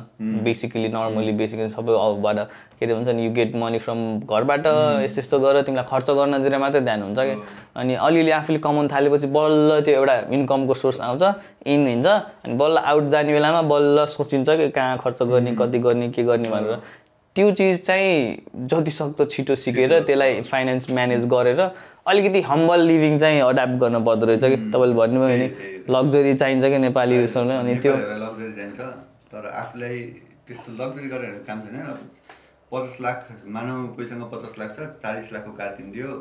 यही हो मान्छे। त्यही त के? ठिक छ दुई चार दिन आफ्नो छिमेकमा गएर रमाइलो लिएला फोटो खिच हाल्ला। तर त्यसबाट त त्यो वेल्थ जेनेरेसन त हुँदैन त्यसबाट त खर्च छ। सर्भिसिङ गर पेट्रोल हाल डिजेल हाल खर्च हो नि त। यदि त्यही रकम पचास लाख उस उसले हाई डिभिडेन्ड दिने स्टकमा लगाएको भए त्यो पचास लाखको त त्यो कति वर्षमा? लगभग एक दुई तिन चार वर्षमा डबल हुन्छ कि? अनि बिस पर्सेन्टकै हिसाबले गर्ने हो भने पनि। बिस पच्चिस पर्सेन्टको हिसाबले गर्ने पच्चिस पर्सेन्टको हिसाबले गरे पनि चार वर्षमा त डबल भयो। त्यही। भनेपछि त पचास लाखको एक करोड गराउने चान्स छ कति वर्षमा चार वर्षमा। मान्छेहरूले होइन। डबल चबल गया भाँड पे हामीले हामीलाई कार चाहिन्छ चाहिन्छ। लग्जरी कार चाहिन्छ। त्यही त। कस्तो मेन्टालिटी छ त्यस्तो? देखिन्छ नि त दाइ त्यही देखिन्छ कि। अनि यो देख्दा र अनि इन्फर्मेसन गर्दाखेरि चाहिँ त्यो एउटा के त्यही सोसाइटीमा हुर्केको भएर अलिअलि पचा कस्तो मैले आफै पर्सनली ख्याल गरेको अनेस्टली भन्दाखेरि त्यो खर्च गर्ने मेन त्यो आउँछ कि भित्रबाट पैसा हुने बित्तिकै खर्च गरेर मलाई कहाँबाट आउँछ आउँछ होइन? मेन्टालिटी त्यस्तै छ तर त्यसलाई पनि ओभरकम गर्नु अथवा त्यसलाई कन्ट्रोल गर्नु त responsibility हो। कि। बाहिर एउटा कुरा भन्दै गर्ने भित्र गएर अब आफैले भोलि बिहान गएर सबै भ्याएर पचास लाखको कार किन्यो मजा आएन। त्यो सानो सानो मैले आफ्नो त सानो सानो हेबिटमा ख्याल गर्छु कि थाहा छ नि त फाइनेन्स मिलाउनु पर्छ अब त्यो गर्नुपर्छ सेभिङ गर्ने यो यो सबै कुराहरू गर्नुपर्छ यति गर्नुपर्छ तर खर्च गर्ने बेला हुँदा त्यो थोरै अमाउन्ट भएको भएर पनि त्यो हुन्छ नि पर्सेन्टेज वाइजको कुरा गर्दाखेरि कि जस्तै you earn ten thousand something in a month होइन? अनि सर्टेन यताउति गर्दा त तिम्रो खर्च त इन केही गऱ्यो भने नि लगभग महिनामा खर्च हुनेको त नौ नाइन्टी पर्सेन्ट नै खर्च हुन्छ नि त टेन थाउजन्डमा त। अनि त्यतिखेर त सेभ गरौँ भन्ने चिजै निस्किँदो रहेछ नि त। अनि त्यो भएर पनि हो कि सोध्छु कि मेरो ह्याबिटै त्यस्तै भएर हो कि सोध्छु कि त्यो रेसियोको कुरा गर्दा कि चाहिँ होइन, दुइटै हो के? मान्छेको एउटा यस्तो सानैबाट त्यही अनुसारको मेन्टालिटी डेभलप हुन्छ। अब हामी सबैमा त्यो सोच छ त्यही छ हाम्रो त्यो सेभ गर्ने इन्भेस्ट गर्ने त्यसलाई ग्रो गर्ने होइन? मलाई बाइक चाहिन्न मलाई कार चाहिन्न म इन्भेस्ट गर्छु। अब तिमी र मैले एउटै रकम कमाइरहेछौँ अनि तिमी लग्जरीतिर जान्छौ अथवा म लग्जरीतिर जान्छु तिमीले यता मैले लग्जरीमा खर्च गरेको पैसा तिमीले इन्भेस्ट गर्दै जाऊ। अबको चार वर्ष पाँच वर्षमा तिमी यहाँ पुग्छौ म यहाँ हुन्छु क्या। लेभलबाट सुरु गरेको। डेफिनेटली हुन्छ त्यस्तो। त्यही भएर प्रेजेन्टलाई भन्दा पनि अबको पाँच वर्ष अबको दस वर्षमा आफू कहाँ जाने कुन पोजिसनमा जाने कस्तो भएर निस्किने भन्ने कुरा चाहिँ आफूले डिटर्मिन गर्नुपर्छ। अब लग्जरीमा जाने कि इन्भेस्टिङमा जाने अथवा अरू कुरामा जाने त्यो त आफ्नो हातमा छ। अनि एक्चुली त्यो चाहिँ जुन त भन्छ नि गर्दाखेरि एकदम ठ्याक्कै रिभर्स हुन्छ कि। अहिले लग्जरी गऱ्यो भने चाहिँ तिमीले पछाडि लग्जरी युज गर्न पाउन्न एक्चुली अहिले स्ट्रगल गऱ्यो भने पछि पाइन्छ कि। पछि पाइन्छ। अब मैले भने नि त्यही पचास लाखले उसले चार वर्षमा एक एक करोड बनाउनु पायो। अनि- एक करोडबाट भाइ पचास लाखको कार किन? पचास लाख स्टिल यु हेभ त्यसपछि त्यो पचास लाखलाई इन्भेस्ट गरेर फेरि चार वर्षमा एक करोड बनाऊ। अरू केही गरेर अनि दस लाख छ त्यो दस लाख पनि त्यही कारको सर्भिसिङमा जान्छ होइन। ओहो डिजलको कुरा छ पेट्रोल हाल्दा टेन्सन हुन्छ दाइ। त्यो त्यस्तो कुराहरू छ। अनि यो कुराहरू चाहिँ ख्याल गर्नुपर्छ जेनेरेसनले मोस्टली ठुल्ठुलाहरूलाई त बरु थाहा हुन्छ। हाम्रो बाबाहरूको एजहरूलाई त बरु थाहा हुन्छ यो सेभिङहरू यङ्गर जेनेरेसन हामीलाई थाहा हुन्न। थाहा हुन्न कि त्यही त। अहिले भर्खर भर्खर आफ्नो सर्कलहरू आफ्नो त्यही भएर म भन्छु आफ्नो सर्कल चाहिँ राम्रो बनाउनुपर्छ कि। आफूले कोसँग कुरा गर्छु कसको सर्कलमा छु कस्तो फ्रेन्डहरू छन् मेरो अनि सबै पैसा खर्च गर्ने फ्रेन्डहरू छन् भने आफू त्यहाँ भएर खर्च हुन्छ क्या आफ्नो पनि। एकदमै। पार्टी गर्ने भन्छन् के गर्ने भन्छन् अब पैसा हाल्नै पर्यो बच्दैन। त्यही भएर इन्भेस्ट गर्ने साथीहरू यस्तै यस्तै कुराहरू बुझेको मान्छेहरूसँग को सर्कलहरूमा बस्यो भने चाहिँ त्यस्ता कुराहरू चाहिँ सिकिन्छ पनि लङ टर्ममा बेनिफिट पनि गर्छ। एकदमै। कस्तो खतरा यो चिज चाहिँ एकदमै प्र्याक्टिकल यो साथीहरूको सर्कलले गर्दा खर्च हुने बानी चाहिँ हाम्रो एजमा चाहिँ एकदमै धेरै हुन्छ क्या त्यसले गर्दाखेरि अलिअलि कमाएको पैसाहरू पनि त्यो जान्छ खर्चको थाहै हुन्न अनि त्यसपछि डोन्ट ह्याभ मनी अनि त्यसपछि इन्भेस्टर सेभिङको त कुरै आउनु। अहिले त्यही त टेन्सन नि अहिले त बार जाने पब जाने होइन? यो नि त कस्तो फेसन त्यही गएर सेल्फी हालेन भने त आफू त ढुङ्गेमा गए जस्तो feel हुँदो रहेछ। त्यस्तो छ ट्रेन्ड होइन? त्यस्तो छ ट्रेन्ड सबतिर त्यही पार्टी गर्ने त्यो स्न्याप च्याट के रहेछ त्यो स्न्याप पठाउने भन्दो रहेछन् मलाई थाहा छैन। स्न्याप पठाउने भन्छन् त्यो पोइन्ट आउँछ भन्छन्। के गर्ने त स्न्याप गराउने भन्छन्? है म अचम्म मान्छे म फेरि त्यस्तो त्यस्तो कुरामा चाहिँ म मलाई पार्टी साथी यताउति खासै मन लाग्दैन। म आइएम आउट अफ एभ्रिथिङ के? यो कुराहरू जुन अहिलेको जेनेरेसनहरूले रमाइलो गरेर इन्जोय गर्छ नि मलाई त्यो कुरामा इन्जोयमेन्ट पाउँदिनँ क्या मैले? है? कहाँलाई तपाईँलाई खास केमा केहीमा मजा आउँछ दाइ भन्नु न। मलाई मैले जे पनि गरिरहेको छु त्यसमा मजा आउँछ। यो यो जुन अहिलेको इन्जोयमेन्ट गर्ने यो पार्टी गर्ने त्यसपछि स्टोरीहरू हाल्ने त्यो त्यो- त्यस्तामा मलाई इन्जोयमेन्ट आउँदैन। कुनै बेलामा आउँथ्यो होला तर त्यो म त्यो त्यो त्यो एज मैले ब्रेक गरिसकेँ ठिक छ म बाइस वर्ष अथवा बिस वर्ष हुँदा मलाई त्यस्तो गर्न मन लाग्थ्यो होला। मैले गर्थेँ पनि होला. अलिअलि गर्थेँ म इन्डियामा हुँदा तर अहिले के भयो भन्दाखेरि बुझियो उम्, अब बिस्तारै रेस्पोन्सिबिलिटी आफ्नो टाउकोमा आउँछ. पच्चिस वर्षको भइसक्यो अब इभेन्चुली आउनु थाल्छ त्यो आउँदा अब त्यो पहिलाको पाराले गऱ्यो भने त अब महँगी छ फेरि। टिक्नै मान्छे। पाँच सय रुपियाँ त यस्तरी दाइ। हजार हो। कि त्यो हात्तीको नोट बिना त भएन भने त कहाँ पनि हुँदैन। तपाईँले कस्तो त्यो भन्नुभयो नि मलाई कस्तो राम्रो लाग्यो त्यो सर्कल ब्रेक तपाईँको एज ब्रेक भयो नि जुन बेलामा अनि रेस्पोन्सिबिलिटी आई थिङ्क यो चिज चाहिँ म चाहिँ एक्चुली म पनि त्यो उसमा थिएँ कि। होइन जेनेरेसन एजमा त्यो हुँदाखेरि चाहिँ इन्टिमिडिएट भइन्छ कि त्यसमा। यु यु डु द्याट होइन त्यो आउँछ चहल पहल आउँछ। आउँछ अनि मैले चाहिँ अहिले अहिलेको इयर्सहरूमा couple of years to three years भयो अहिलेको बेसमा। आई सम हाउ फिगर्ड कि यसले चाहिँ युआर नट गोइङ अहेड एकैछिनलाई मात्र रहेछ। होइन अनि तिमी आफू अलिकति हम्बल भएर दुई चारवटा स्टोरी कम राखेर र अनि एक्चुली कस्तो हुँदो रहेछ भन्दाखेरि पहिला जति चहल पहल दिइन्थ्यो नि स्टोरीमा त्यो चाहिँ सब फेक हुन्थ्यो कि एक्चुली होइन? म्याक्सिमम फेक हुन्छ कि? इभन मैले गरेँ नि त त्यो अनि होइन त्यो गरेँ कि मैले? त्यो हुन्छ कि त्यो बेसमा माइन्ड सेटै त्यो हुँदो रहेछ नि त। प्रेजेन्ट कसरी प्रेजेन्ट अरूले अरूको पर्सेप्सन कस्तो हुन्छ? त्यसले यति म्याटर गर्दो रहेछ कि? अनि पहिलाभन्दा त लाइफस्टाइल त अहिले राम्रो छ नि त। आई अर्न माइसेल्फ पहिला बरु कमाउँथेन। त्यो सबै थियो। त्यही पनि देखाउनु पर्थ्यो।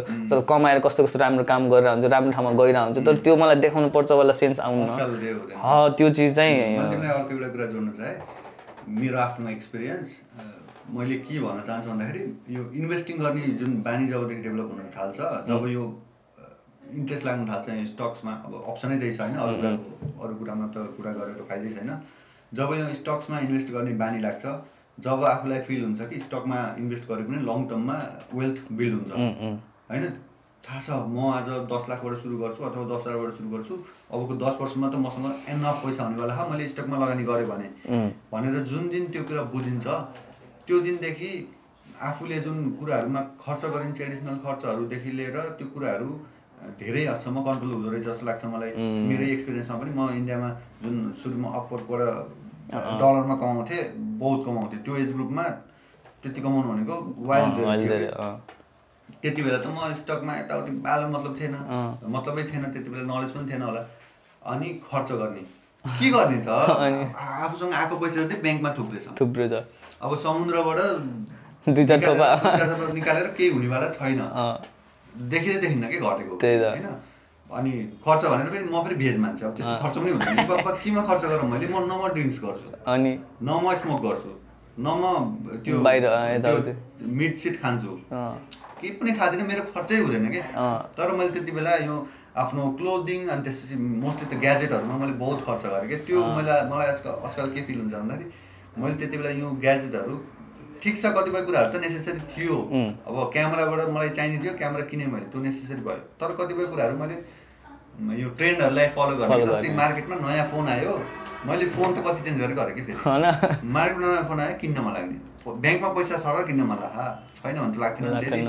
आफूसँग भएको पैसा सेयर मार्केटमा इन्भेस्ट गरिन्थ्यो भने त्यो बेचेर किन्छु भन्ने सोचिन्थेन त्यही भएर सकेसम्म ब्याङ्कमा त्यस्तो धेरै एमाउन्ट राखेन भने पनि त्यो एडिसनल खर्च। अब जस्तै मानव तिमीसँग तिमीसँग पचास हजार छ तिमीले पचास हजार मध्ये आधा नै तिमीले लगानी गरिदेऊ स्टक्समा। अब नेपालको अहिलेको मेन्टालिटी कुरा भने ल तिमी पचास हजारमा चालिस हजार स्पेन्ड गरिदेऊ अथवा पैँतिस हजार स्टकमा राखिदेऊ। भनेपछि तिमीले तिमीसँग रह्यो पाँच हजार। तिम्रो कोही साथी आएर ए जाम यार उहाँ जाम। कता जाम? पार्टी गर्न जाम नाइट आउट जाम गरौँ, होइन। यताउति गरौँ भन्यो भने तिमीले सोच्नु पऱ्यो नि त।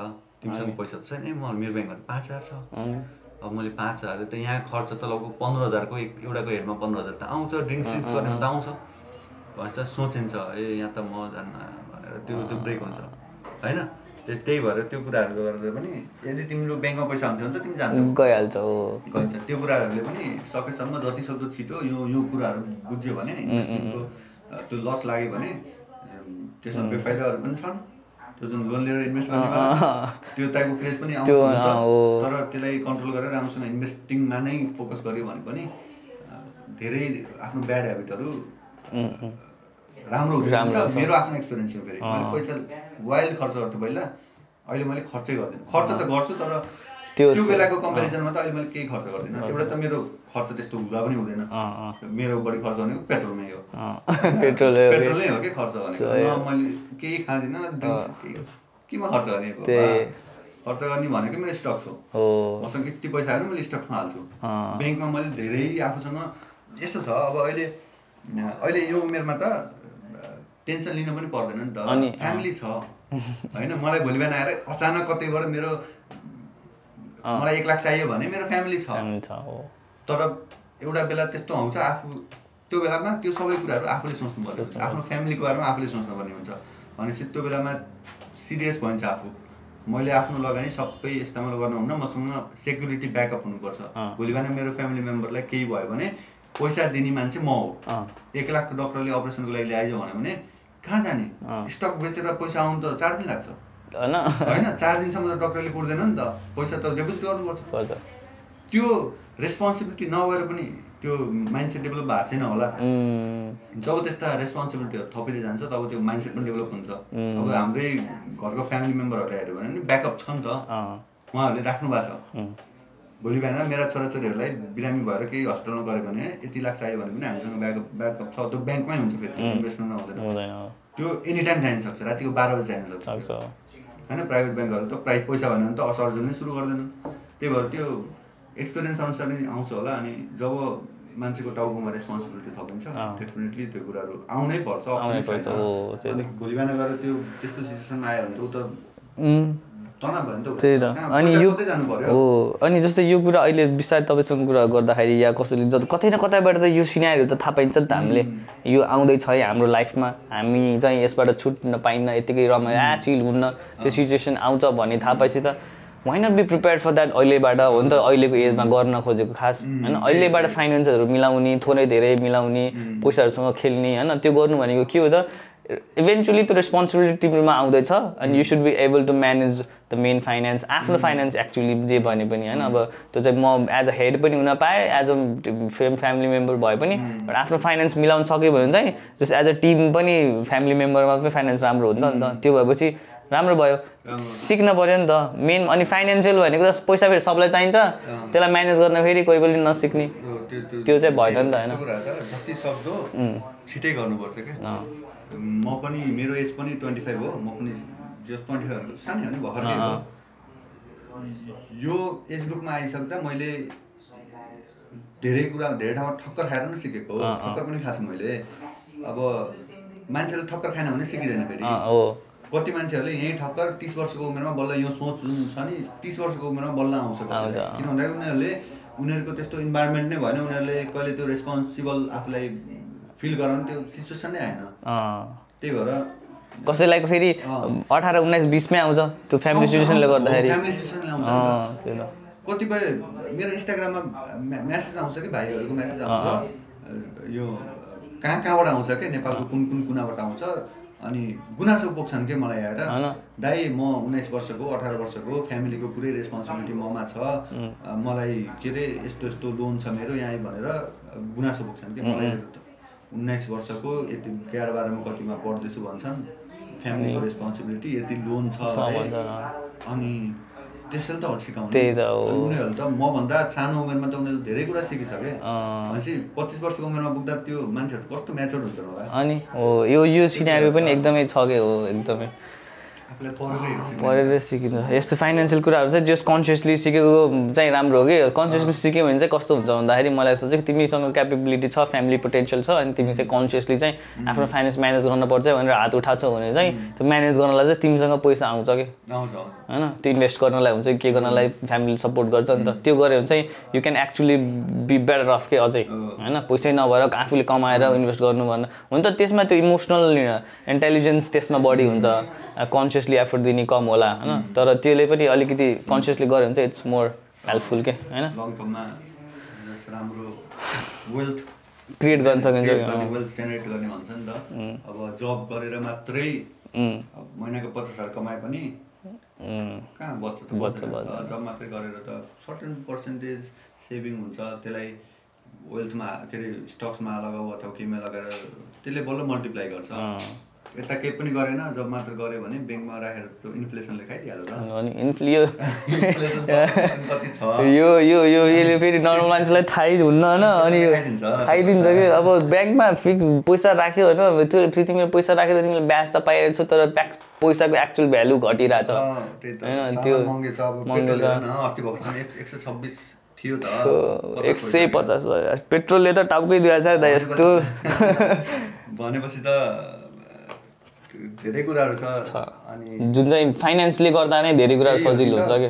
पैसैले त हो सबै कुरा सबै म्यानेज गर्ने। सही हो। बिरामी भयो पैसा चाहियो घुम्न जानु भयो पैसा चाहियो। लाइफ लाइफस्टाइल राम्रो बनाउनु पऱ्यो मेन फोकस गर्ने भनेको त्यही मनी म्यानेजमेन्ट Money management। ठुल्ठुला मान्छेले त्यसरी त भन्दैन नि त। किन भन्दाखेरि यही कुराले गर्दा लाइफमा फ्युचरमा धेरै प्रब्लमहरू यो राम्रोसँग म्यानेज गरेन भने if you can solve money problems actually धेरै प्रब्लम सल्भ हुन्छ कि सल्भ गर्छ त्यसपछि त मेन्टल्ली पनि हेल्दी भइयो फिजिकल्ली यताउति सबै पैसाले त फ्रस्ट्रेट गराइन्छ नि। अनि हो वाइल्ड हुन्छ मनी म्यानेज गर्न नसक्दा अथवा चाहिएको बेलामा त्यो पैसा नहुँदा छ तर छैन ए बाबा पैसा त छ मसँग स्टकमा तर मसँग छैन अहिले दिनलाई। छैन। अनि जस्ट सपोज कि जग्गा हुन्छ जग- जग्गा त छ तर पैसा छ।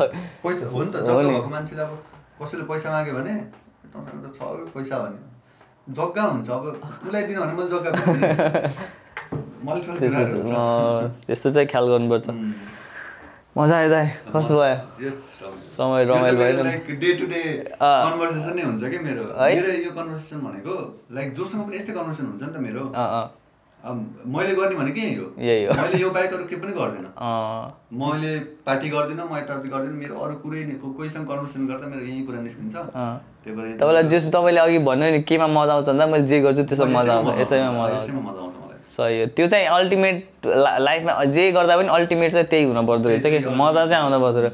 त्यो कि मैले अस्ति प्रोग्राममा उस गर्दाखेरि पनि भ- उस कुरा कुरा गर्दाखेरि म जस बोलिरहेको थिएँ यस्तो यस्तो यस्तो गऱ्यो अनि लास्टमा बस्नुलाई चाहिँ मजा आयो यार भनेर यस्तै गरेर बसेको थिएँ कि म। अनि त्यहाँको मान्छेहरूले क्या नोटिस गरेको आई लाइफमा चाहिने एकजना आविष्कारले हो कि? भनेको। लाइफमा चाहिने हो कि यही हो कि? तिमीले जे गर्छौ लास्टमा मजा आयो वाला आयो आयो भने द्याट्स इट के होइन? आफू राइट डाइरेक्सनमा गए गएको जस्तो हुन्छ नि त। अनि? मजा आइरहेछ। अँ। त्यसबाट फाइनेन्स पनि आउनु पऱ्यो फेरि। मलाई मात्र आएर भएन। पार्टी गर्न मजा आउँछ तर त्यसमा पैसा पा- पैसा खर्च। आउँदैन। त्यही भएर हरेक बेलामा मजा मात्रै लिएर पनि उम्, यदि त्यो मजालाई आफूले मोनिटाइज गर्न सक्यो भने बबाल हो इफ यु आफूले जे गरिरहेछ अब इक्जाम्पलको मैले अहिले जे गरिरहेको छु यसलाई मैले राम्रोसँग मोनिटाइज गरेर आफ्नो लिभिङ गर्न सक्छु भने त त्यो? बेस्ट के? भएर? लाइफ त अब त्यही त हो रमाइलो गर्ने हो। रमाइलो गर्दै आफ्नो लाइफ गुजारा चलाउने हो मेन्टेन गर्ने हो चलाउने हो। त्यही त। आफूले मन परेको काम पनि गर्ने हो। त्यसैले मोनिटाइज भइरहेछ भने। मोनिटाइज गर्नु पर्यो। अनि अहिलेको सिचुएसन फेरि सजिलो पनि छ कि होइन? अँ, छ। पोसिबल छ भनौँ न। छ। छ सही हो। मजा आयो। यहाँ छैन यार।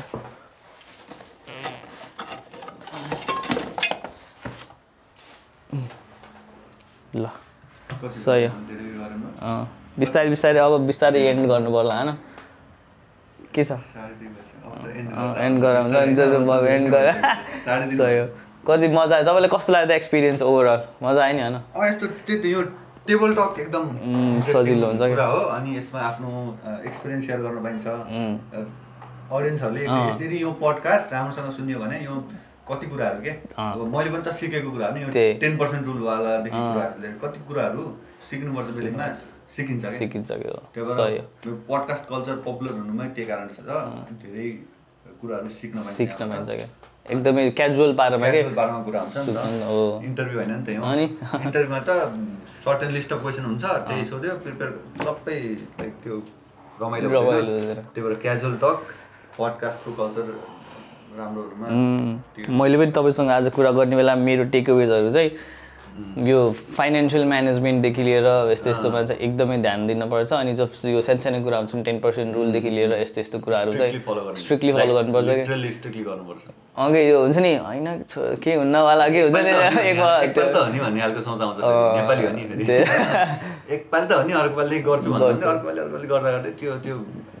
त्यो आदत बन्छ क्या। बाध्य हो। आदत बनिसकेपछि गाह्रो हुन्छ। गाह्रो हुन्छ सही। यसलाई चाहिँ जस यो फाइनेन्सियल म्यानेजमेन्ट र मनी म्यानेजमेन्टलाई चाहिँ आफूले कन्सियसली एफोर्ट दिएर हेबिट बनाउनु पऱ्यो कि एउटा सर्टेन रुल बनाएर। ह्याबिट बनाउनु पऱ्यो अनि अनि यस्तो हो कि कुनै पनि कुरा सिक्ने त आफूले देखेर हो नि त। कि त आफूले एक्सपिरियन्स गर्नु पऱ्यो कि त आफूले देख्नु पऱ्यो कि त आफूले सुन्नु पऱ्यो। त्यही भएर मैले के भन्छु भन्दाखेरि कुनै पनि व्यक्तिले आफूले को मान्छेहरूलाई फलो गरिरहेको छु को मान्छेको कन्टेन्ट कन्ज्युम गरिरहेको छु। त्यसमा मेन फोकस गर्नुपर्छ। मैले टिकटक चलाउँछु आजकल। मैले टिकटकमा मेरो मैले फलो गर्ने मान्छेहरू एकदम स्पेसिफिक छन्। उनीहरू मलाई लाग्छ ट्रस्ट छन् उनीहरूले भनेको कुरामा दम छ लोजिकल कुराहरू गर्छन्। मैले त्यो ठुम्का लाउने मान्छेहरूलाई फलो गर्दिनँ। जिरो गर्दिनँ कि मैले। यदि साथी हो भने साथीको साथी नाताले मैले गर्छु नत्र मैले ठुम्का लाउनेलाई मैले फलो गर्दिनँ किनभने मलाई चाहिएन। चाहिएन। म मलाई त्यसमा म रमाउन्न मलाई त्यसले इन्टरटेन पनि गर्दैन। अनि त्यही भएर लङ टर्ममा हेर्दा आफूलाई कस्तो खालको कन्टेन्टले राम्रो इफेक्ट गर्छ राम्रो असर पार्छ त्यस्तो क्रिएटरहरूलाई कि त्यस्तो क्रिएटरहरू नेपालमा त कमै छन्। तर जति पनि छन् उनीहरूलाई फलो गर्ने अनि त्यसपछि विदेशमा त्यस्तो कुराहरू गर्ने मान्छेहरूलाई फलो गर्यो भने। फरी पेजमै नजाने कि म म म त भन्छु त्यो टिकटकको फरी पेजमा नजाने आफूले दुई सयजनालाई अथवा एकजनालाई फलो गर्ने। अनि त्यसपछि यो फलोइङवाला पेज हुन्छ नि यता त्यो मात्रै हेर्ने। टिकटकलाई राम्रोसँग युज गर्ने। अँ। मैले त्यही गर्छु। सही हो दाइ। यो चाहिँ एकदम प्र्याक्टिकल टिप भयो क्या मान्छेहरूलाई त्यो। फरियुले नै हो कि बिताइदिने। भ्याउँछ नि त। फरियुले चाहिँ बिताइदिन्छ। हरेक तिन तिन सेकेन्डमा अनि खतरा खतरा नयाँ भिडियोहरू आउँछ ठुम्का सुम्कादेखि लिएर अनि त्यो के- के- के- भयो, बिगार्छ। त्यही भएर आफूलाई एकदमै यो यो चाहिँ एकदमै तपाईँले भन्नुभयो नि आफूलाई चाहिँ एकदमै स्ट्राटेजाइज गरेर एउटा सर्टेन एरिया बााउन्ड गर्नुपर्छ कि आफैले हो कि त्यो गर्ने फेरि राइट दाइ? होइन किन भन्दाखेरि तिम्रो अटेन्सन त तान्न खोजिरहेको त बहुत धेरै मान्छेहरू छ नि त। अनि अटेन्सनलाई चाहिँ आफ्नो अटेन्सनलाई चाहिँ प्रिजर्भ गर्नुपर्छ भन्छ कि? सही मैले तिमीलाई अर्को एउटा इक्जाम्पल दिन्छु आफ्नै इक्जाम्पल सेयर गर्छु। मान्छेको यो उस हुन्छ नि त झ्याउ लाग्छ नि त। अब सपना ठुलो देखिन्छ अनि काम गर्न यस्तो झ्याउ लाग्छ। पल्ट्या हुन्छ फ्याँबाट पङ्खामा अनि त्यसपछि उठ्न काम गर्न झ्याउ लाग्छ। अनि सबैको प्रब्लम हो त्यो फेरि ठुलो प्रब्लम हो। त्यसले त मान्छेलाई ग्रो गर्न दिँदैन रोक्छ। अल्छी मानिन्छ क्या। टन्न खायो सुत्यो होइन। फेरि सु दिमागमा छ है मैले यो यो काम गर्नुपर्छ एकदम ठुलो ग्रान्ड गर्नुपर्छ लाइफमा कमाउनुपर्छ उ गर्नुपर्छ। छ सबै छ तर स्टार्ट नगर्ने। स्टार्ट नै नगर्ने। त्यसलाई किक स्टार्ट नगरेसम्म बाबा को आएर सुरु गरिदिन्छ आफूले गर्ने हो। त्यसमा चाहिँ मलाई पनि आजसम्म अहिलेसम्म आइसक्दा पनि मलाई पनि त्यो त्यो त्यो एटिट्युडले हिट गर्छ कि। अँ। कहिलेकाहीँ यस्तो अल्छी लागिदिन्छ उठ्नै मन नलाग्ने। तर त्यो बेलामा के सोच्नुपर्छ भन्दाखेरि मैले गरेन भने अरू कसैले गरिदिनेवाला छैन। You have to wake up होइन? म मलाई जहिले पनि त्यस्तो त्यस्तो त्यो फिल हुन्छ नि मलाई अल्छीवाला यस्तो झ्याउला भने केही गरे हुन्न केही गरेर बाहिर गएर काम गरेर थाकेको हुन्न। त्यो टन्न खाएर थाकेको हुन्छ त्यो अल्छी हो त्यो। थाकेको भन्दैन त्यसलाई। काम गर्न नखोज्ने म लिटरल्ली त्यस्तो सोच आउँदा त्यो सोचलाई मैले इमिडिएटली ब्रेक गरिदिन्छु कि। जराक जुरुकमा उठेर मेरो ल्यापटप अन हुन्छ कि। केही न केही केही न केही प्रोडक्टिभ हुन्छ। ल्यापटप अन गरिसकेपछि म फेरि लिटरली मैले। मैले गाना साना सुन्ने भनेको कहिले काहीँ त्यही गाना सुनेर एउटा यता काम गर्ने यता गाना सुन्ने हुन्छ। त्यो बाहेक मैले अनप्रोडक्टिभ कामहरू गर्न कम्प्लिटली कट अफ गरिदिइसकेँ भन्दा हुन्छ अहिलेको हो। समयमा।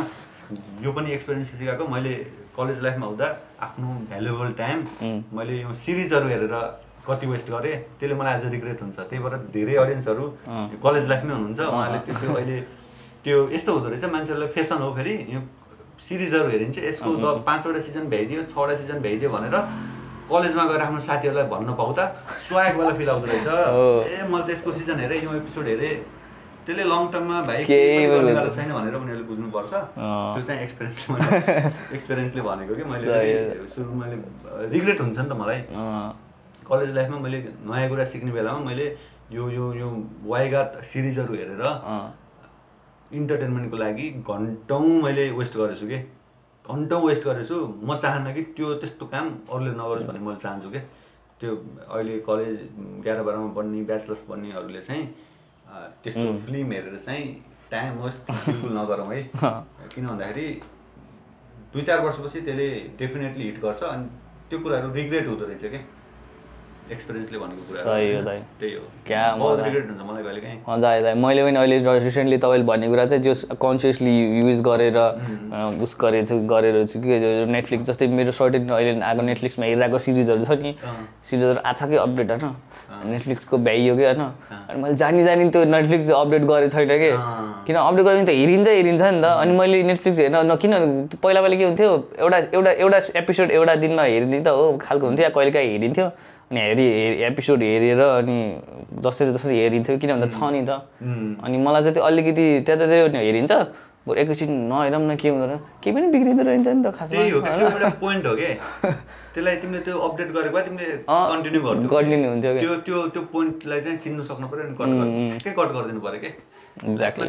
त्यो गरेन भने कहिले पनि प्रगति हुँदैन त्यही कुरामा अड्किराखिन्छ अहिले पनि कति हुन्छन् के त्यो वर्षौँदेखि त्यो एउटा कुन रहेछ एउटा सिरिज? यो कुन छ एउटा पपुलर सिरिज के अरे? नेटफ्लिक्स अहिले लास्टै धेरै सिजन भएको ठुल्ठुलो एपिसोड भएको? धेरै छ त एउटा मनी हाइस्ट त्यस्तो खै भ्याम्पायर Vampire भएन Diaries हो कि? लास्टै धेरै एघार बाह्रवटा सिजन ए अँ त्यो त के धेरै अँ। पोहोर लामो होइन? त्यो हेर्ने मान्छेहरू छन् होइन? अझै यति दिनमा भ्याइदिएँ भनेर स्वाग देखाउने होइन? मैले त भ्याम्पायर डेरिज त दुई दिनमा भ्याइदिएँ अथवा तिन दिनमा भ्याइदिएँ यस्तो भ्याइदिएँ रातभरि हेरेर के दस त्यो हेरेर के भयो। त्यो त्यो बेलामा यदि आफूले केही स्किल सेट गेन गरिन्थ्यो अथवा केही प्रोडक्टिभ सुनिन्थ्यो केही प्रोडक्टिभ आफूलाई मोटिभेट गर्ने कुराहरू सुनिन्थ्यो भने त्यसले त लङ टर्ममा हेल्प गर्थ्यो। किन भन्दाखेरि यो टाइम कति भ्यालुबल हुन्छ भन्ने कुरा मैले बुझेछु जस्तो लाग्छ कि।